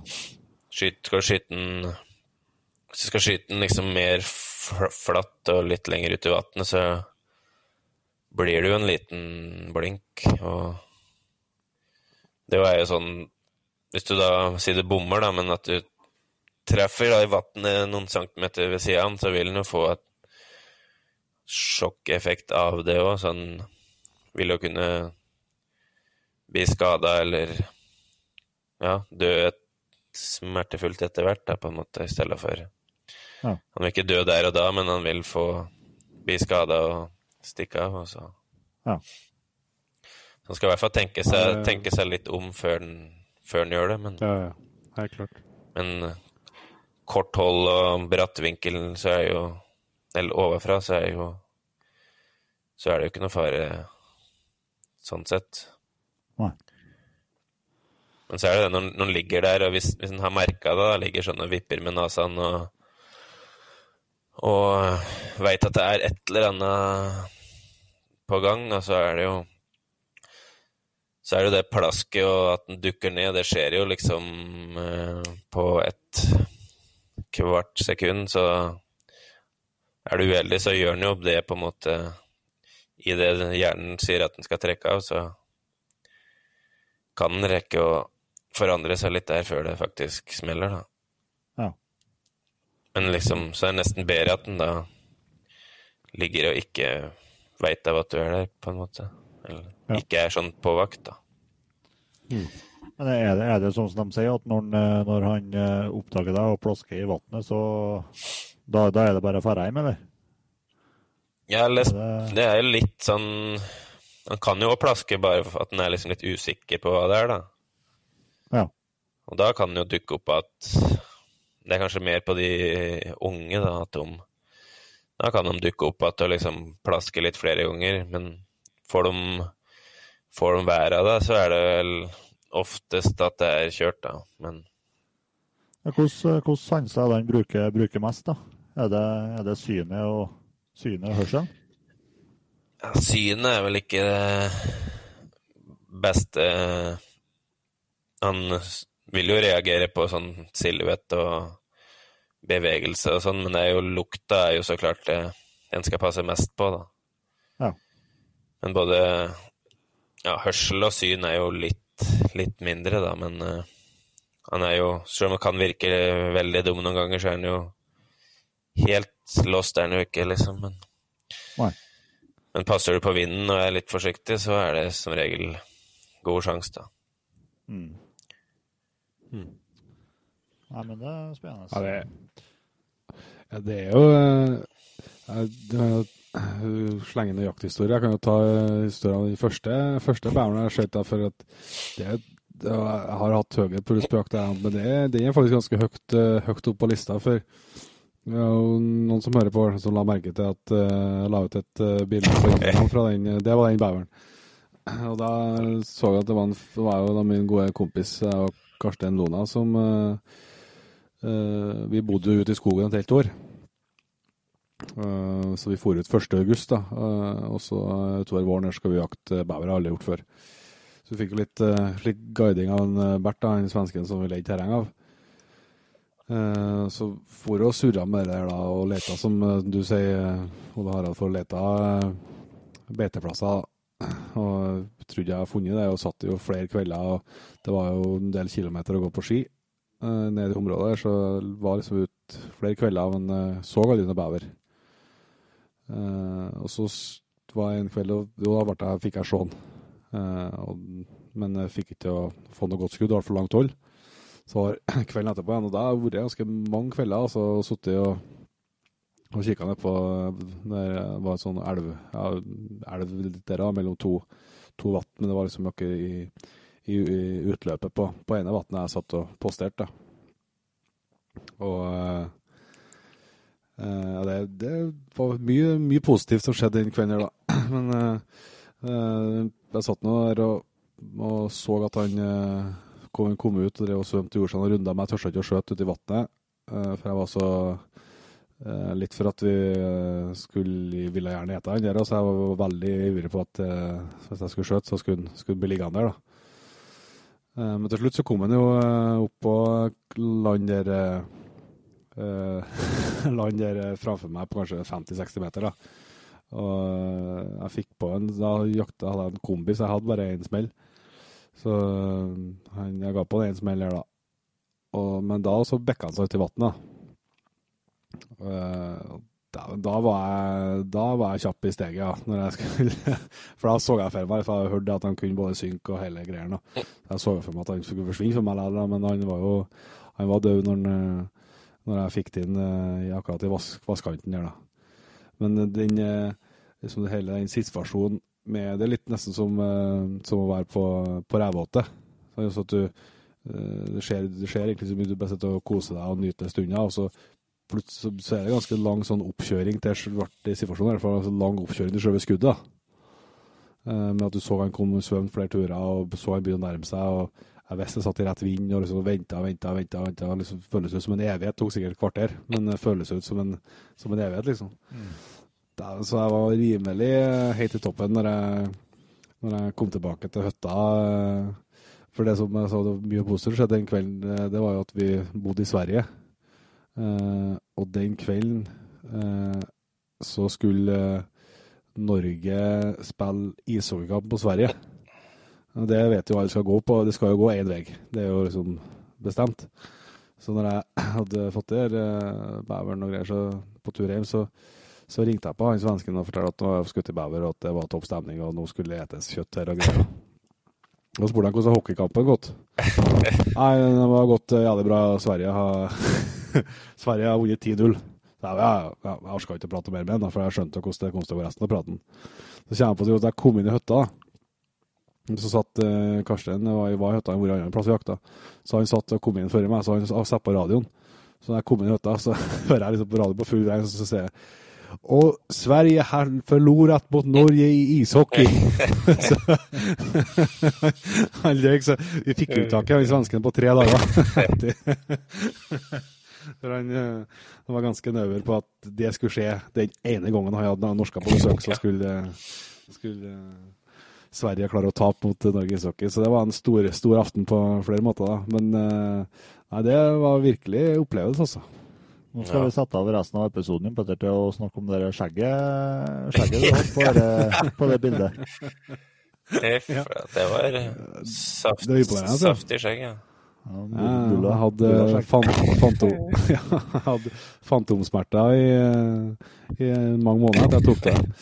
Uh, nei, det, var, det er klart det er uttrykk som kan uh, vokse fram med, med mye kruttsterk bålkaffe og store mengder ettan løssnus og, og, ti måneder i skogen i strekk. Så det er klart at uh, det, det, gjør utslag på, på framtoninga. Oi, oi, oi.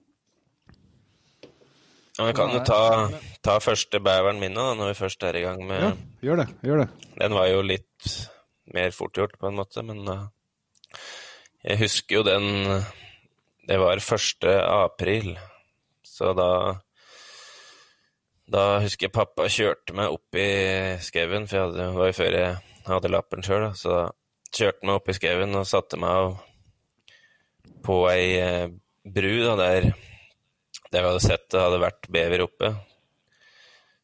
Og ja, det var jo da forholdsvis tidlig, så det var jo fortsatt mye snø og is, men det var et høl som den hadde kommet opp da, og var oppover beita på. Så jeg ble satt av der, da, så gikk det jo egentlig ikke så lange stønna før den beveren satt plutselig på isen der. Så da, da var det egentlig bare skøyt jeg den, og så var det ferdig. Ja. Men da men der var det jo det var jo oppe i skauen her, så det var jo ikke noe dekning. Da, så jeg måtte jo bare sitte der og vente til han kom igjen. Jeg skulle jo sitte der til det ble mørkt, da. Så da, da, måtte jeg bare sitte der og vente, da. Men så var det noe sånn snev av signaler innimellom. Altså jeg husker Grunnen til at jeg husker, det var jo jeg fikk, Da fikk jeg inn en melding fra en kompis som det sto at det var et eller annet som hadde skjedd. Så jeg skulle Det var noe galt med telefonen hans. Jeg måtte, måtte ringe etter nummeret der da, og spørre etter Harald, så skulle han Så skulle han få saken. Da. Jeg prøvde jo å ringe, vet du, men det var jo heldigvis ikke noe dekning.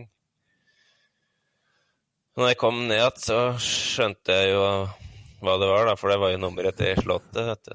Så klart. det var jo liksom 1. april, men det, tenkte jo ikke jeg på, så det var bra det var dårlig dekning nå, så det gikk, gikk rett på. så det var jo Da husker jeg jo den, i hvert fall.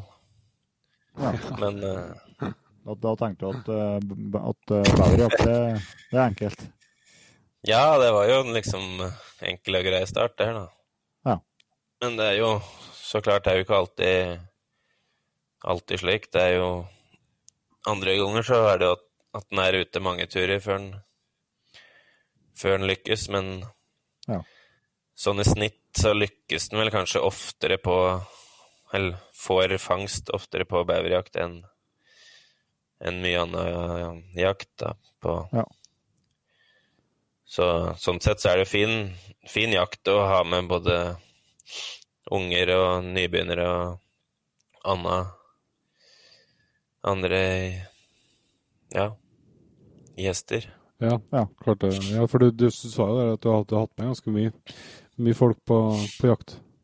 Ja, det har jo vært, vært med Det er jo, det er mest sånn bekjente, så klart, da, men Men jeg har jo Det er jo fin måte sånn å ja, rekruttere jegere og Og fin måte å starte på sånn sett, da. Det er, er jo ofte, da, som, som jeg har sagt, det er jo ofte fint vær og god stemning og, og stor sjanse for å i hvert fall se og ofte skyte noe, altså. Ja. Og så kunne videre videre ta dem med på da behandlinga videre med kjøtt og skinn og skaller og det som er, så er det fin vil, opplæring vil, sånn sett. eh, Ja, det er det. Jeg vet ikke om du vil si noe mer om, om selve jakta nå, eller om vi skal gå over litt mer på, på hva man gjør med beveren eh, når man eh, har fått med seg, fått med seg hjem. Ja, vi har jo kanskje vært innom det meste sånn, Jeg har ett spørsmål. ja. Eh, ikke overraskende, så skal vi hvor, tung de her dyrene er. Ja, Eh, for at eh, nei, dere, Vi snakka litt om at du skal være forsiktig med å skjøte de største beverne en eh, ser der, så det er noe skal ta med, ta med det i, i betraktninga. Men når jeg var inne og eh, gjorde litt research før innspillinga her, på, så ser jeg at der sto jeg i Store Norske, så sto jeg at uh, den kan bli opptil 40 kilo. ja. Jeg syns jo det høres helt eh, perverst ut, men eh, Jeg tror vel sånn ja, Norgesrekorden Jeg har ikke sjekka den nå i det siste, men jeg mener den er på sånn 35 rundt der. Det er en bra, kan, solid eh, bever. Nå kan jeg skjøte inn den for at jeg hadde med meg han eh, godeste Matt Storsvik. Eh, Han er mitt, Ja, han mitt jeger på, på Instagram her, han eh, som for øvrig eh, som var med på, på revejakt der. Eh, han fortalte at han har jo skutt i sin første bever eh, i fjor. Eh, og han havna jo på, på VG, for den var jo 34 kilo. 34 kilo. Ja. Ja. Faller stor ja, det er faen meg litt av en klump, ja. Det er solid klump, ja. Jeg, ser, jeg mener at Norge, Norges største er rundt 35, i hvert fall. Ikke noe ja, Mm. ja. Det er lang, langt mellom de over 30, det er i hvert fall Jeg vet om at jeg har skutt på over Eller kjenner Vet om en som har skutt på over 30, men det er, det er sjeldent de er over 25 år, egentlig. Det er jo ofte sånn 18-20, par og 20, de 25, de voksne, og så er det jo da sånn gradvis nedover på 3-2-ettåringer, da. Ja. Mm. Så jeg Ja, jeg har vel ja, Den første som jeg skøyt, og den veide jeg, husker jeg, den var 18. Så det var vel noe sånn tre-fireåring, kanskje. Ja. Så Jeg den, eh, har jeg jo ikke Den jeg refererte, refererte referert til i stad, den tror jeg var sånn 1 eller 22. Ja. Eh, For det når jeg ikke har snakka om her, da, men eh, For det er jeg som gikk på, på ski eh, noen kilometer der og ikke hadde stilt meg med noe for å få med beveren hjem, så var, så, så var det er litt eh, det er, ikke, det er ikke så enkelt å bare kaste den rundt, eh, rundt nakken heller. Nei, det er greit å tenke seg litt om. Har med seg noe som eh, for de Skal kan jo, altså, skal du jo gå, skal du jo gå en liten bit, så det skal du jo faktisk ha med et eh, Hvis du er heldig, et, eh, et forholdsvis stort dyr, altså. Ja, det er eh, tungt. Han Og, er massiv. Ja, ja. Så ofte hvis det er sånn, sånn føre så du må gå litt på ski innover, så er det jo Kan det være litt det er Ikke alltid det er skara, det kan jo være litt røte pungsnø å gå i, så det Ja. kan bli noen lange turer ut igjen, ja. Det kan det. Men det er jo verdt det. Det er jo verdt det. Ja, det er jo eh, alltid verdt det. Ja, da har vi jo snakka litt om, eh, om det med jakta på bever og, og det som er omkring, eh, omkring det. Men vi må jo fokusere litt på det og ta vare på, ta vare på det som kommer fra beveren når når vi har felt den med trofé og, og uh, bruken til mat og greier. eh. Kan ikke du si litt om det, Oral? Jo da, det er jo Trofébehandling er noe jeg syns er egentlig veldig interessant, sånn på alle arter, for så vidt. da. Så Spesielt på beveren så er det mye fine trofeer den, den kan gi, og det kan jo gå litt sånn kjapt grunnleggende gjennom litt forskjellig der, da. Ja, gjør det. Og da er det jo faktisk slik at hun jeg bor sammen med, hun er jo taksidermist. taxidermist. Så hun driver Heidis trofédesign. Ja. Så eh, kan jo starte med et par tips i forhold til utstopping, da. For det Det som er viktig da, er jo å få tatt vare på skinnene fortest mulig. For uh, Ja. forråtnelsesprosessen starter jo på en måte med en gang eh, pumpa slutter å slå, så så det gjelder uansett om du er til utstopping eller garving, så er det jo det å få, få ordne med skinnet fortest mulig. da. Altså vil, og du vil at de skal Eller Flora vil ha eh, beveren rund, skal jeg si, eller vil ha den ferdig flådd hvis du skal, vil ha utstoppa? Nei, da er det jo det at til utstopping så skal det flås på en litt spesiell måte, da, for at eh, snittet og sånn skal synes minst mulig på den ferdige montasjen. Så akkurat der er det jo beste at taksidermisten gjør den jobben, da. I hvert fall hvis du, få hvis du vil ha et uh... Ja. kjappest å bare hive den i og få beveren fortest mulig i fryseren, da. Ja, så det er jo egentlig Enten er det å få levert den direkte med en gang hvis det er i nærheten, eller så er det jo fortest mulig i fryseren. da. Og da er det å pakke den godt inn i plast for å unngå at den frysetørker. Ja. Og så kan det jo være da, at du ikke har plass til beveren i fryseren din, så du må flå den, på en måte. Da, da er det jo på en måte Da er det bare det å kutte opp minst mulig men få av alt i en beta, og helst la skallen fortsatt sitte på, da, for den det er jo ekstra vanskelig å unngå høl sånn rundt øyer og ører og naser og slik, så Men i hvert fall få den, få den i fryseren fortest mulig er i hvert fall, i hvert fall lurt, da. Ja. Godt triks, det. Eller, kjø eller kjøpe seg en fryser til. Ja, det er jo alltid kjekt å ha en Det er mange som har mye fryser. en bæverfryser. Så da er det jo på en måte Vanligst er jo helmontasje, men det går jo an å ha en bogmontasje eller halvmontasje, da, så framføtten uh, sitter på. Hvis den vil ta litt mindre Ja. plass. Men det er jo Mm. opp til hver enkelt, det, da. Ellers så er det jo da Ellers er det vanlig garving av skinnet, da, som en skinnfell eller sånn pynteskinn, på en måte. Ja. Da er det jo Enkleste er jo Kan jo levere en rett til en taxidermist da òg, men eh, der kan du jo gjøre mer eller mindre av jobben sjøl, da. Men der er det jo da som sagt å få ordna skinnet fortest mulig, men da er det jo at det skal saltes, da.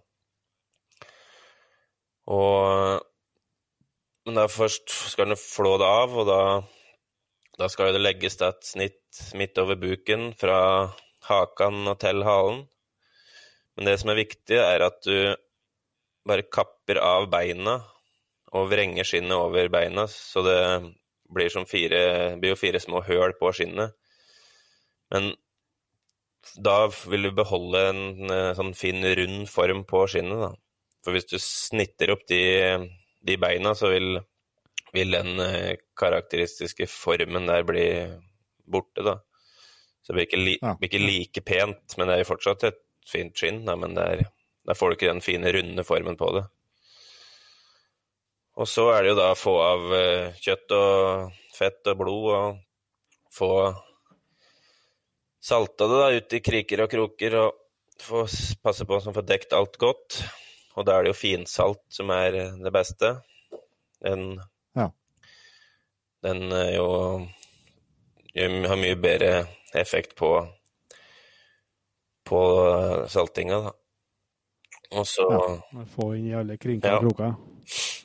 Og så er det jo så er det da, hvis du gjør dette grundig, og du gjerne kan bytte saltet hvis det blir ordentlig bløtt, men hvis du gjør dette grundig, og det skinnet blir tørt og fint, så kan du òg for så vidt bare bruke det som det er da. Så er det jo på et vis konservert med salting, tørking, da.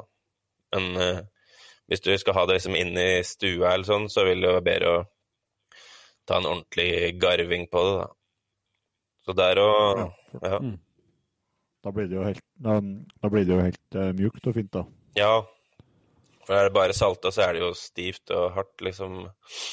Skal du få det sånn mjukt og fint, så er det jo Da er det jo forskjellige sånne oppskrifter det går an å garve det sjøl og forskjellig, men uh, ellers er det jo da å levere det til et garveri, da, som, uh, som gjør dette profesjonelt, da.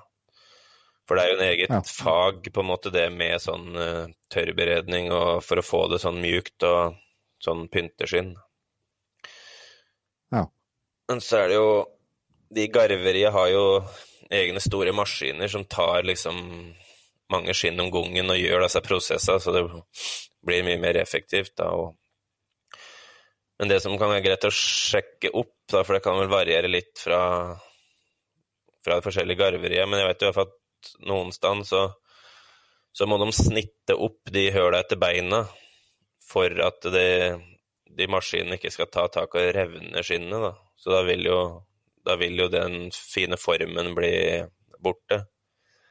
Så hvis en vil beholde de, så kan en jo i hvert fall sjekke ut sånn veit sikkert på hva en får igjen, da. Men eh, altså, garvere kan jo impregnere skinnene eller behandle dem så det er mer sånn vannavstøtende.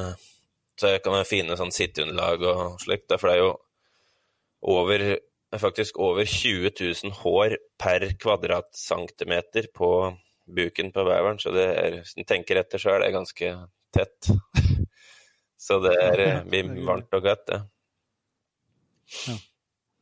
Men så da har du holdt et eh, gode tips på, på skinn eller utstopping, men så er det skallen er jo et uh, fint uh, minne å ta vare på. Ja, så er det jo skallen er jo egentlig en veldig spesielt utseende på, som er liksom ikke likt så mye annet, men da desto kulere å ha ta vare på, da.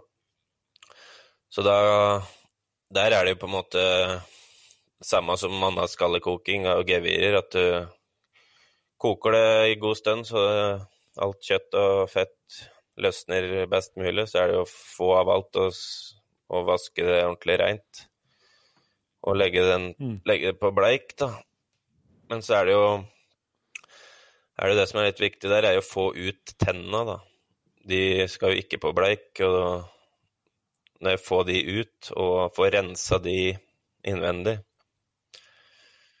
Ja, Så det ikke er noe kjøtt inni, fett inni, inni skallen? eller Ja, sånn. inni, for det er jo noen slags sånn røtter eller kjøttaktig inni rota på tanna da, som må ut, ellers vil jo det råtne inni der, så det får rensa ut det ordentlig, og så, så kan det òg være lurt å, å gjerne eh, smelte litt voks og ha den inni tanna, og men òg forsegle tanna med noe lakk eller gjerne noe blankt lim, da. For at tanna blir så gærende sprø når den tørker, så det er lett at det skaller av beter. Så, så det kan være lurt å ha, ha på et lag sånn, da. Og da, når du da først har på lim rundt hele tanna, så er jo det fint å da trene inni skallen igjen når du har fått gjort det, da, for da vil jo tenna sitte. Så går jo an å ha dem løse hvis en har lyst til å ta dem ut for å se på dem, liksom, men, men gjerne lurest er å få limt dem på plass der de skal være, da. Ja, og så sikrer du at, at utseendet er likt. Så skal jeg si. Ja, At det er jo at greit å- langt opp langt greit å sjekke før en begynner hvor langt disse tenna egentlig stikker ut, da, hvis en vil ha det helt eksakt som det var, da. Det er fort gjort at de går for langt inn, eller skal ha en sånn monsterbever og setter dem lang, lenger ut. Men uh, det er jo greit at det er sånn det, er sånn det var, da. Mm. Ja. Og dette går an å få bedømt, ikke sant? Jo, det er jo faktisk eh, Norges Jeger og Fisk har jo bedømming på skaller av både rovdyr og men også bever. Det er jo ikke like sånn utbredt å gjøre det, men det er eh, mulig å få gjort det, da. Så da er det jo lengden og bredden på skallen som blir målt, og så blir de to summa i centimeter lagt sammen, og så gir det en poengsum, da. Så det er liksom 25 poeng for bronse, 25,5 på sølv og 26 på gull, da. Så det er det Ja. på samme måte som på gevirer og slikt, Ja. Så det, det er jo litt artig med, med alle typer sånn bedømming og poeng og tall, så det er jo, det er jo spennende det hvis en har skutt i en stor en, og så få bedømt den. Det er jo klart. Ok. Men eh, en ting eh, vi ikke har vært innom nå, det er jo maten, da. Hvis du skal eh, be inn til beverlag så heter Harald, har du noen gode oppskrifter og, og tips om? Ja, det er jo sånn i hovedsak så kan en jo bruke beveren som, som alt annet kjøtt. Det er jo bare at den er på en måte ikke så sett på som så vanlig å bruke, da, men det er jo Når en først har jakta bever, så er det jo fint å få utnytta hele ressursen, da. Klart Men så er det sånn at det er jo, det er jo gjerne litt seigere, eller litt mye hinner, på en måte sånn, litt sånn som hara, da. Så koking, langsteiking er eh, mer å foretrekke da enn en sånn kjapp tur i panna, og så rett på asjetten. Da blir det fort litt tygging. Men eh, kan jo ta ha et par tips som jeg kan ta, for så vidt, da, som òg og like gjerne kan brukes på annet vilt, da, men var jo på matkurs her for en stund siden som eh, heter 'Med fryseren full av viltkjøtt'. Så den er jo litt passende for mange, da, at du Jeg lærte jo da litt sånn mye godt en kan lage av de delene som ikke er så standard, som ofte er de som blir liggende igjen, da. Så er da ikke biff og steik og kjøttdeig, men mye andre ting, da. Mhm. Så hvis noen er interessert i det, så går det an å søke opp Charlotte og matkurs, så kan hende finner noe. Men i hvert fall, da, så Nå har eh, litt sånn snikreklame der, så får nå, kan du røpe en liten oppskrift fra kurset, da, for å være litt eh, grei. Selv om den er ikke noen hemmelighet, for så vidt, da. Men det er jo, det er jo Bevergryte er jo liksom en sånn standard eh, da. Men her er det jo, kan du bruke hva, hva slags bit som helst egentlig fra beveren, og så brune det godt, eller brune det nedi ei gryte med litt olje, få litt sånn ordentlig skorpe rundt om på alle kanter. Og om det er litt bein i de, de bita, gjør ikke noe, så lår og slik er fint. Og så når du har fått bruna litt fin skorpe der, så er det å fylle på med potiser og gulrøtter, løk eller den vil ha oppi der, og så er det å få på væske, da, så det dekker, dekker bra. Og da er det jo, kan jo kan bare bruke vann, eller om du har noe kraft, eller er mulig å bruke øl eller rødvin, eller det man liker. Cola, Cola, ja. ja. Det er undervurdert i matlaging, den.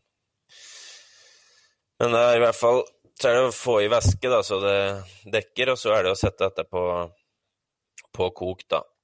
Og da skal det egentlig bare stå og småputre under lokket i en så mange timer at eh, kjøttet blir så mørt og fint at du bare kan dra det med fingra av beinet. Da er det på en måte klart, da. Så det blir litt sånn pulled beaver. Ja. Ja, det var det. Men da, da kan jo den etas som den er, sånn eh, som en suppegryte, eller eh, eller om du lager noe potetstappe eller noe slikt. Det det er jo Ja. Så er det sånn annen Det har vært, vært, vært ja. Ja, det er godt, det, så. Jeg ser en sånn annen mye enklere måte å tilberede på, er jo speking, da. Da er det på en måte bare å legge det på salt noen dager, tørke av og henge opp i noen uker, og så gjøre det seg sjøl. Men da er det litt sånn mengde salt og, hvor lenge det skal ligge og lenge det skal henge, er litt sånn avhengig av størrelse og forskjellig. Så er, er jo egentlig bare å sjekke litt oppskrifter og prøve seg fram, så blir det, blir det bra snacks av dette. Ja, kult. Ja, da har vi jo fått uh, gode oppskrifter. Jeg, tenkte vi skal begynne å, å, gå inn for landing og litt faste, faste poster, men før vi, før vi slipper til det, uh, Olle Harald, så tenkte jeg at jeg, grunnen til at uh, vi fikk navnet ditt skal jeg si, til, til, å snakke om bever, det var at du tok kontakt med oss for å bli med på beverjakt, eller få til kanskje en konkurranse rundt det tidligere vinter her. Ja, vi, vi drev jo liksom Tenkte at det hadde vært litt artig, da. Men da ble det vel litt travelt kanskje den tida nå, da. Ja, litt, litt å henge fingrene i. Ja. Nei, så da, siden det ikke ble noe beverjakt i år, da, så var det klart gå inn og prøve det neste år òg. Men tenkte jo at vi kunne prøve å få til noe til høsten òg, hvis det var interesse for det. da. Så da da regner jeg med at dere er litt opptatt fra sånn 21. august og utover, så litt... Alt som er, alt som er tatt før 21. august, ja. er helt topp. Nei, så da har det jo Da er det jo bukkejakt, da. Den begynner jo 10. Så det kunne, hadde vært artig å kanskje fått inn noe rundt den, da. Vi er ikke sikkert vi er så tunge tung å be på det, i hvert fall hvis vi kan, eh, hvis vi kan få med oss noen lyttere. Altså. Ja, det regner jo med at du ville ha med Ikke vil ta alt sjøl, så Nei, så må gå an å Må ha med noen som kan Ja. Nei, altså Det går an å få til noe der, vil jeg tro, da. Så jeg drev og Så, drev jeg og sjekka opp litt, uh, for like ved her jeg bor, da, så er det jo et sted som heter Oppaker gård. Som jo okay. Det er jo et sånt kurs- og konferansested som det, kan ha arrangementer, og de tilbyr jo da forskjellige aktiviteter tilknytta spesielt natur og matopplevelser og slikt. da. Så der skal de jo nå fremover tilby da, jakt og fiske som en del av det. da.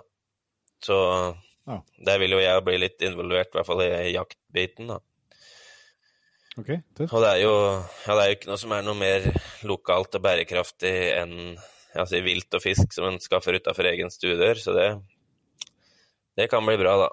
Men uh, ja. i hvert fall da, så snakka jeg litt med dem om om de kunne være interessert i å være med da, på et lite sånn testarrangement i forhold til det med bukkejakta og slik.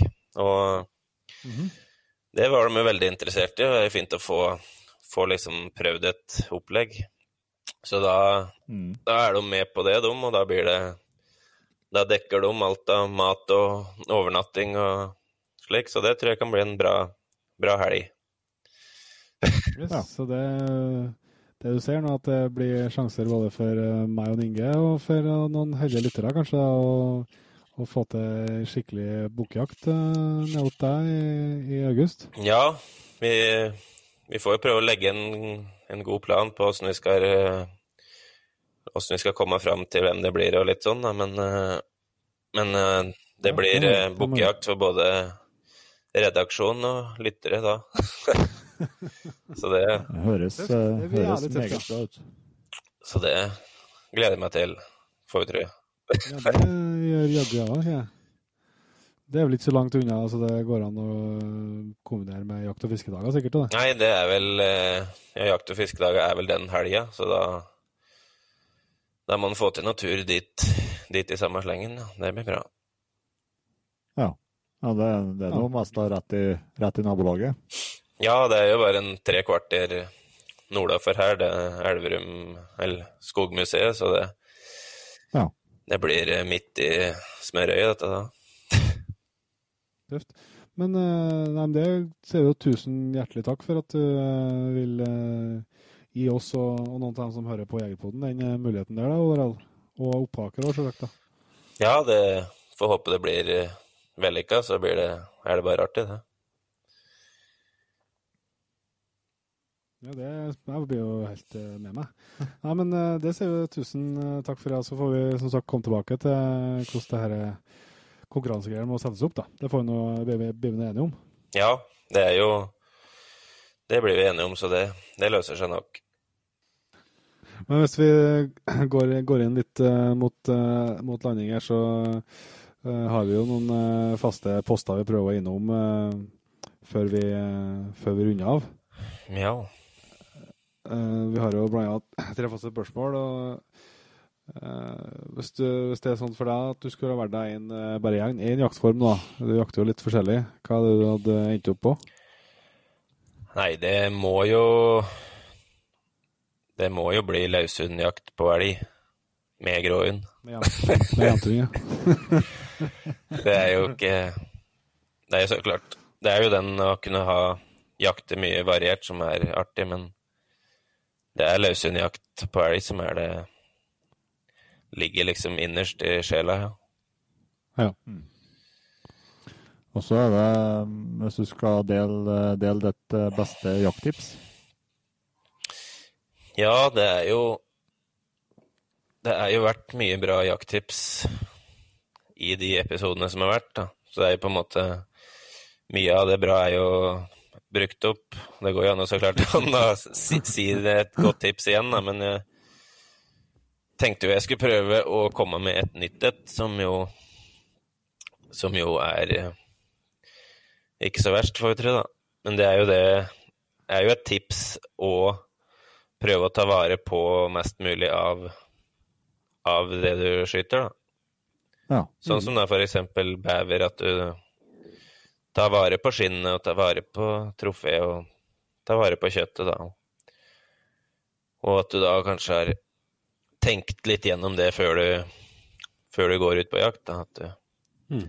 ja. du har plan, plan klar? Du har det er jo med tips til meg sjøl òg, på en måte. At jeg ikke Det blir ofte sånn at du drar ut, og så tar du det som det kommer. Men et sånt eksempel der nå før, før jul, så var det kanskje ikke det lureste å skyte noe elg og hjort rett før jul, så det vært og slakteriet var stengt, og ble slakting i romjula, liksom. Det var jo ikke sånn Men det var, det var ikke mest ideelle? Det var ikke det mest ideelle sånn for romjulsfreden med familien, da. Men, men det er der fryseren full, i hvert fall. Ja, ja, ja. Men det er jo heldig at uh, det er jo Hadde jeg nok kunnet gjort alt sjøl, så hadde det vært greit, men det er jo kjerringa som er liksom uh, slakteeksperten, så da måtte jeg jo få med henne, da, så da sa jeg Så det kan jo være lurt å tenke seg om før en før en skyter. Ja, ja. ja men det er et uh, godt, uh, godt, tips. Det. det går an å planlegge for at det lykkes innimellom. Ja. Men det er jo uh, løser, løser, seg jo alltid, men Ja, ja, det gjør det. det, gjør det. Men på jaktutstyr, da, har du noe supertips der? Er det noe du har blitt veldig glad i senere, senere tida? Ja, det er jo et sånn veldig Veldig fin ting som er praktisk, er jo så klart trekkeren og det opplegget der, da. Men det er jo det er jo en ting jeg skulle klart meg, klart meg uten. Men det er jo veldig, veldig kjekt å ha. Men det som jeg merka her i høst, når jeg rota bort swingbladen, da ble det plutselig mye Følte jeg meg litt sånn maktesløs når jeg skulle begynne å vomme uten den igjen. Ja. Så den måtte jeg Først ble vant til? Ja. Så den måtte jeg få tak i en ny en med en gang. Ja, for den er jeg liksom Syns jeg er veldig kjekk å ha. Og i hvert fall hvis du hvis du skal vomme en elg aleine, så er det veldig lettvint å bare kunne kunne dra den og åpne opp og ikke liksom være så Da har du på en måte ei hånd fri litt lettere. Ja, ja den er fantastisk. Så det, den kniven har revolusjonert eh, knivfronten så mye det går an å ja. revolusjonere den, ja. ja. Enkel, men veldig praktisk. Ja, helt klart. Så... Da, kan jeg, da, kan jeg, samtidig slenge inn et uh, bitte lite jakttips. Er at uh, uh, jeg demonterte den her rett før jul. Ja. totalt, de, totalt demonterte den med alle de her små skruene. og Uh, det skal jeg gjøre oftere. Det var mye godsaker inni der. Å, herregud. ja. Så det, det er et jakttips, de som bruker swingblade. Ta ja. kanskje én til to ganger i sesongen og skru den helt opp og, og rengjøre. Men nå er jeg inne på Ta bare ett sånn lite tips til, bare for å være i gang. Men det er på sånne slaktinga, da, på eller vomminga.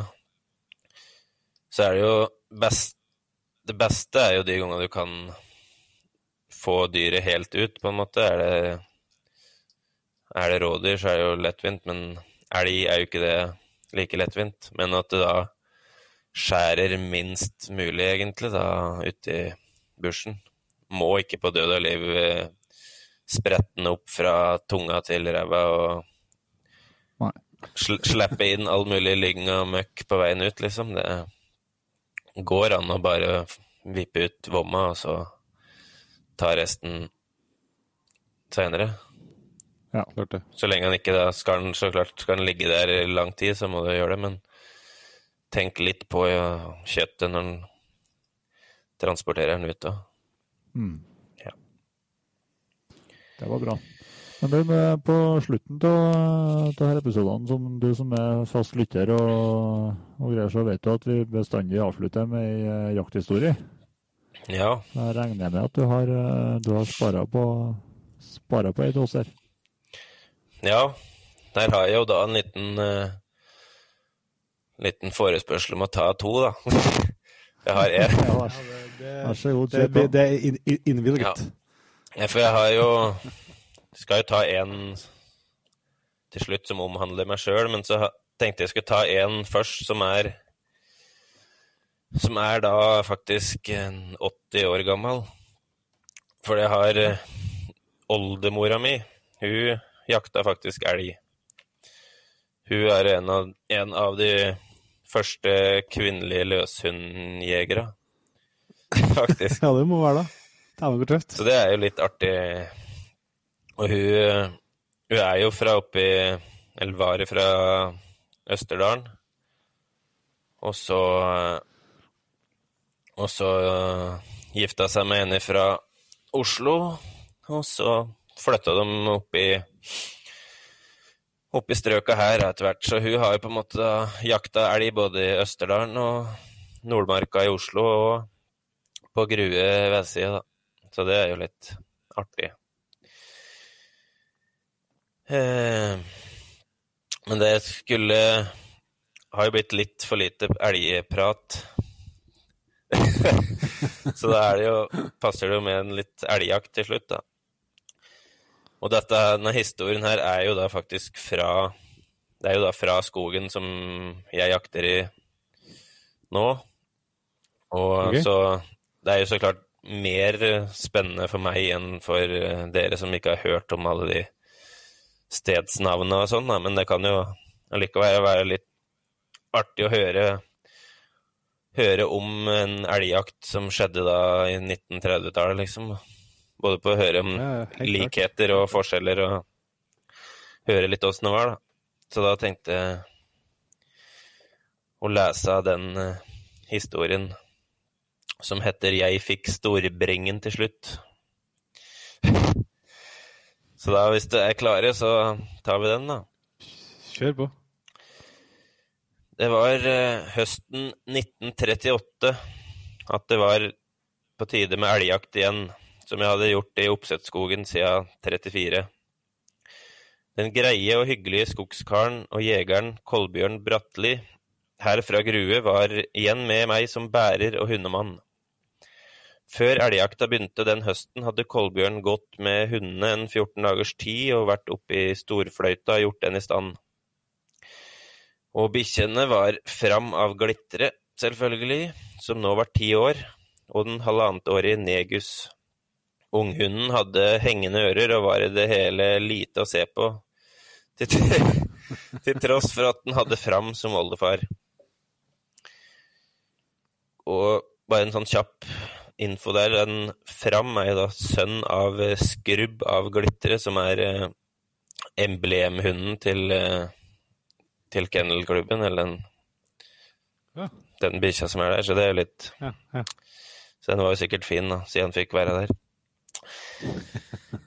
Men da Klokka var ikke stort over fire om morgenen første jaktdagen da jeg møtte Kolbjørn, og vi var eh, oppe og tente vesle skogskomfyren i storfløytkoia. Ute var det mørkt ennå, men da grålysningen kom, hang det skodde mellom grantoppene. Og da vi dro ut litt før halv seks, blåste en svak bris fra sør. Det likte vi ikke, for vi hadde tenkt oss nordover i skogen, og da kom vi til å gå i medvind. Allerede før klokka var seks forsvant Fram. Vi var da ved fuglemyra og satte oss i myrkanten for å vente. Det gikk et kvarter uten at hunden kom tilbake, og det lova godt. Her ble det nok snart los. Det ble det også fem minutter etter. Da hørte vi Frams kjente mål sør for den østre stormyra. Men elgen forlot losen like etter og dro forbi oss, utenfor skuddhold. Fram kom da inn igjen, og vi fant elgsporet. Det var et lite dyr som hadde hatt hastverk med å komme seg unna i sørvestlig retning. Sporet ble straks oppgitt, og vi dro oppover mot Vingersberget.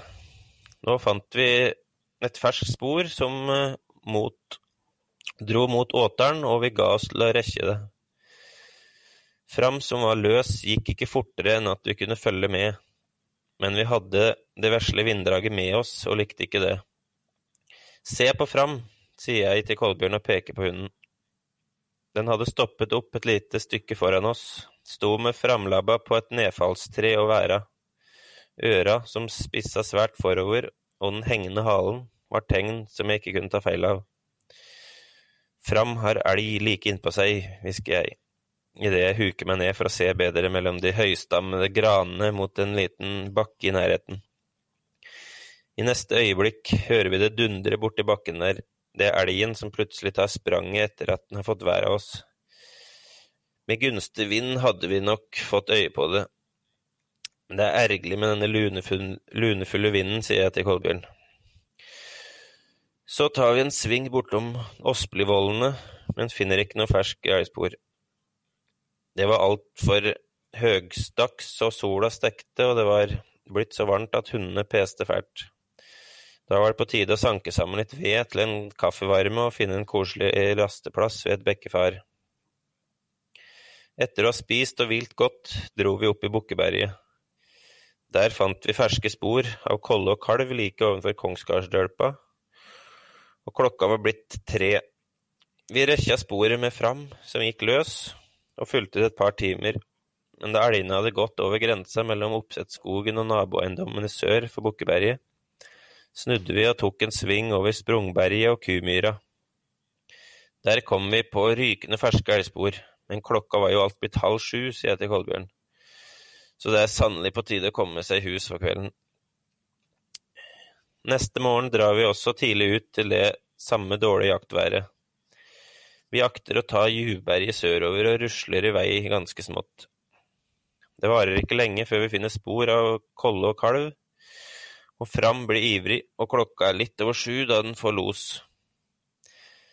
Men losen drar seg langsomt nedover mot Eftastjernet i Omsteskogen og blir borte for oss.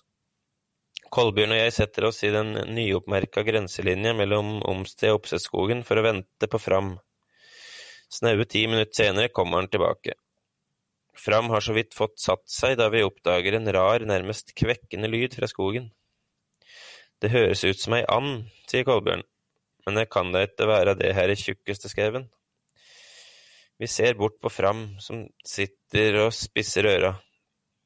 Så forsvinner hunden inn i skogen i sørlig retning.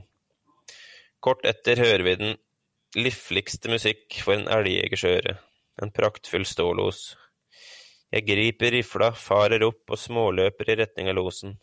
I riktig vind, selvfølgelig. Det tar meg ikke lang tid å komme innpå, jeg kjenner lukten av bringe og ser store spor i mosen. Dyret står inne i et tett skogholt, og selv om jeg bare er en 15–20 meter unna, kan jeg ikke se den. Men jeg både lukter og hører elgen. Likevel er det ingen vettug jeger som skyter etter lukt og hørsel. Til venstre for oksen, eller til venstre for der oksen tydeligvis står, er det en liten åpning i skogen og der får jeg øye på Fram et par ganger, men majesteten selv vet å skjule seg. Skal det da ikke få bli et aldri så lite glimt av skogkongen? Det er en eiendommelig følelse å stå slik, med fingeren på avtrekkeren, litt andpusten, men ellers helt rolig. Likevel så spent på hva som vil skje i neste sekund. Jeg kan selv i dag så tydelig se for meg den vesle orebusken i den venstre kanten av granholtet som gjemte elgen, og der jeg ventet at dyret skulle komme fram fra skjulestedet sitt. Halvt dekka bak en granlegg som i godt anlegg, står jeg og venter på at det skal skje, det som jeg aller mest ønsker i hele verden i dette øyeblikket. Men til min store skuffelse rusler elgen stadig dekket av granholtet av gårde bort fra meg, og med den forsvinner også min sjanse til å skyte. Bringen går først oppover i skogen, svinger så nordover og nedover mot en bekk der Kolbjørn står. Han fortalte etterpå at elgen passerte ham på noen meters avstand. Så blir det med ett los igjen, en fin stålås til og med, og denne gangen er dyret kommet inn i oppsettskogen, men nord for meg dessverre, som blir i medvind. Jeg går likevel forsiktig innpå og håper at været ikke skal forråde meg.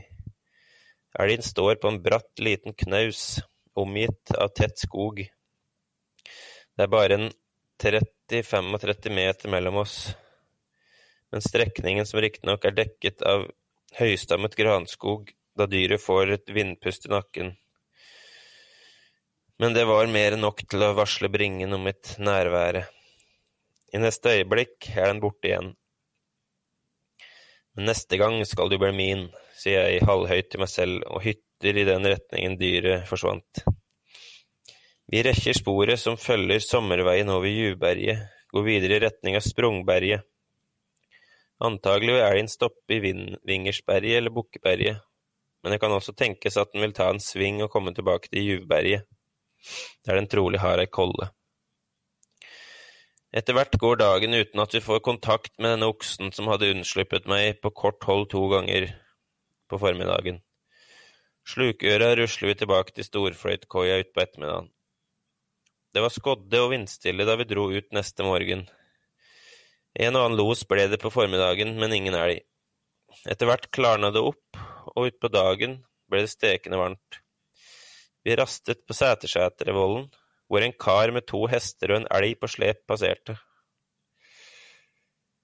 Fram og Negus peser i varmen da vi fra nord går inn i återen. Underveis støkker vi en harepus som Fram aller nådigst boffer et par ganger etter. Det hender ingenting før vi når veien mellom Kjølsetsetra og Sætersetra. Her går Fram plutselig hardt ut med nesa rett i været. Et kvarter senere er hunden tilbake hos oss igjen men det er ikke tvil om at det er elg i terrenget der. Og i løpet av den neste timen har vi både loser og ser et par store dyr som blir skutt på, men uten resultat. Så det ja da.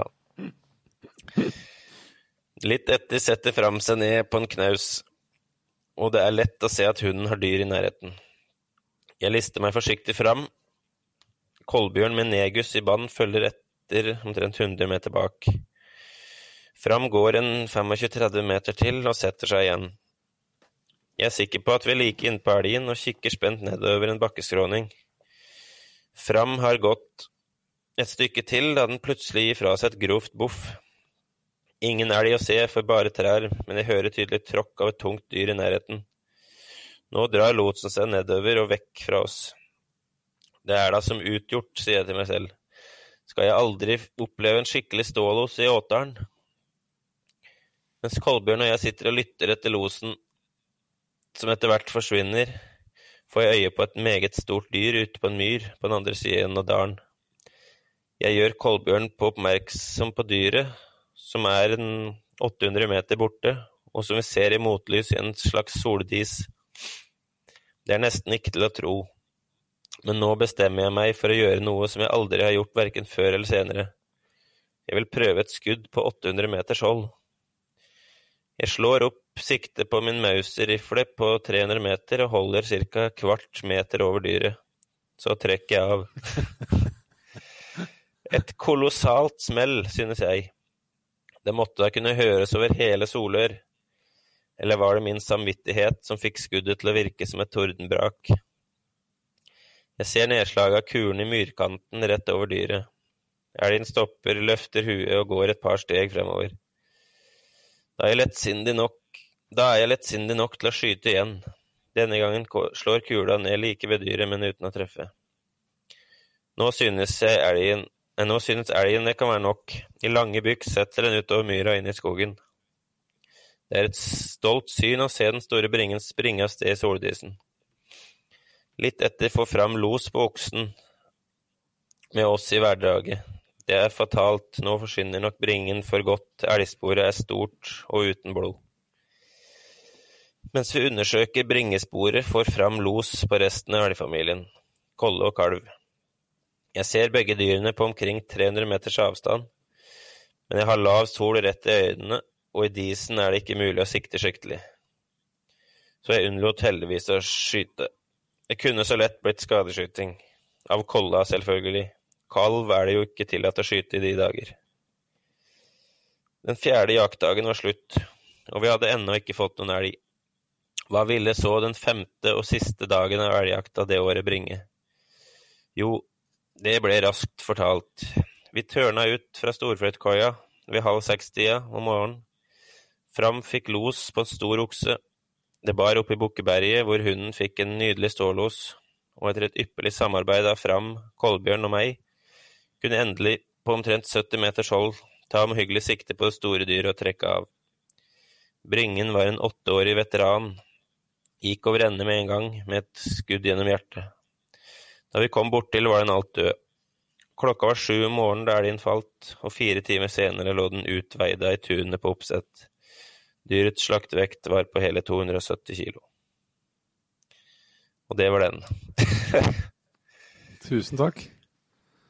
Er sånn Ja, ikke Så dere er altså oldemora di fra 1938 ikke da var? Så har hun er jo en hel bok med, som heter da på elgjakt med løshund, med forskjellige historier da fra Østerdalen og Nordmarka og oppi her, da. Så det er jo litt Tøft. Den ble jo gitt ut en gang, så den er jo liksom Det er er jo sikkert ikke så lett å få tak i den, men det er jo artig å ha den, i hvert fall. Det skjønner jeg veldig godt. Men jeg tror at den eh, varer såpass lenge eh, at vi må at vi måtte runde av. eh, og- og Så får vi kjøre på med, kjøre på med flere jakthistorier når vi skal jakte bukk i august Der. Ja, det, det går bra, vet du.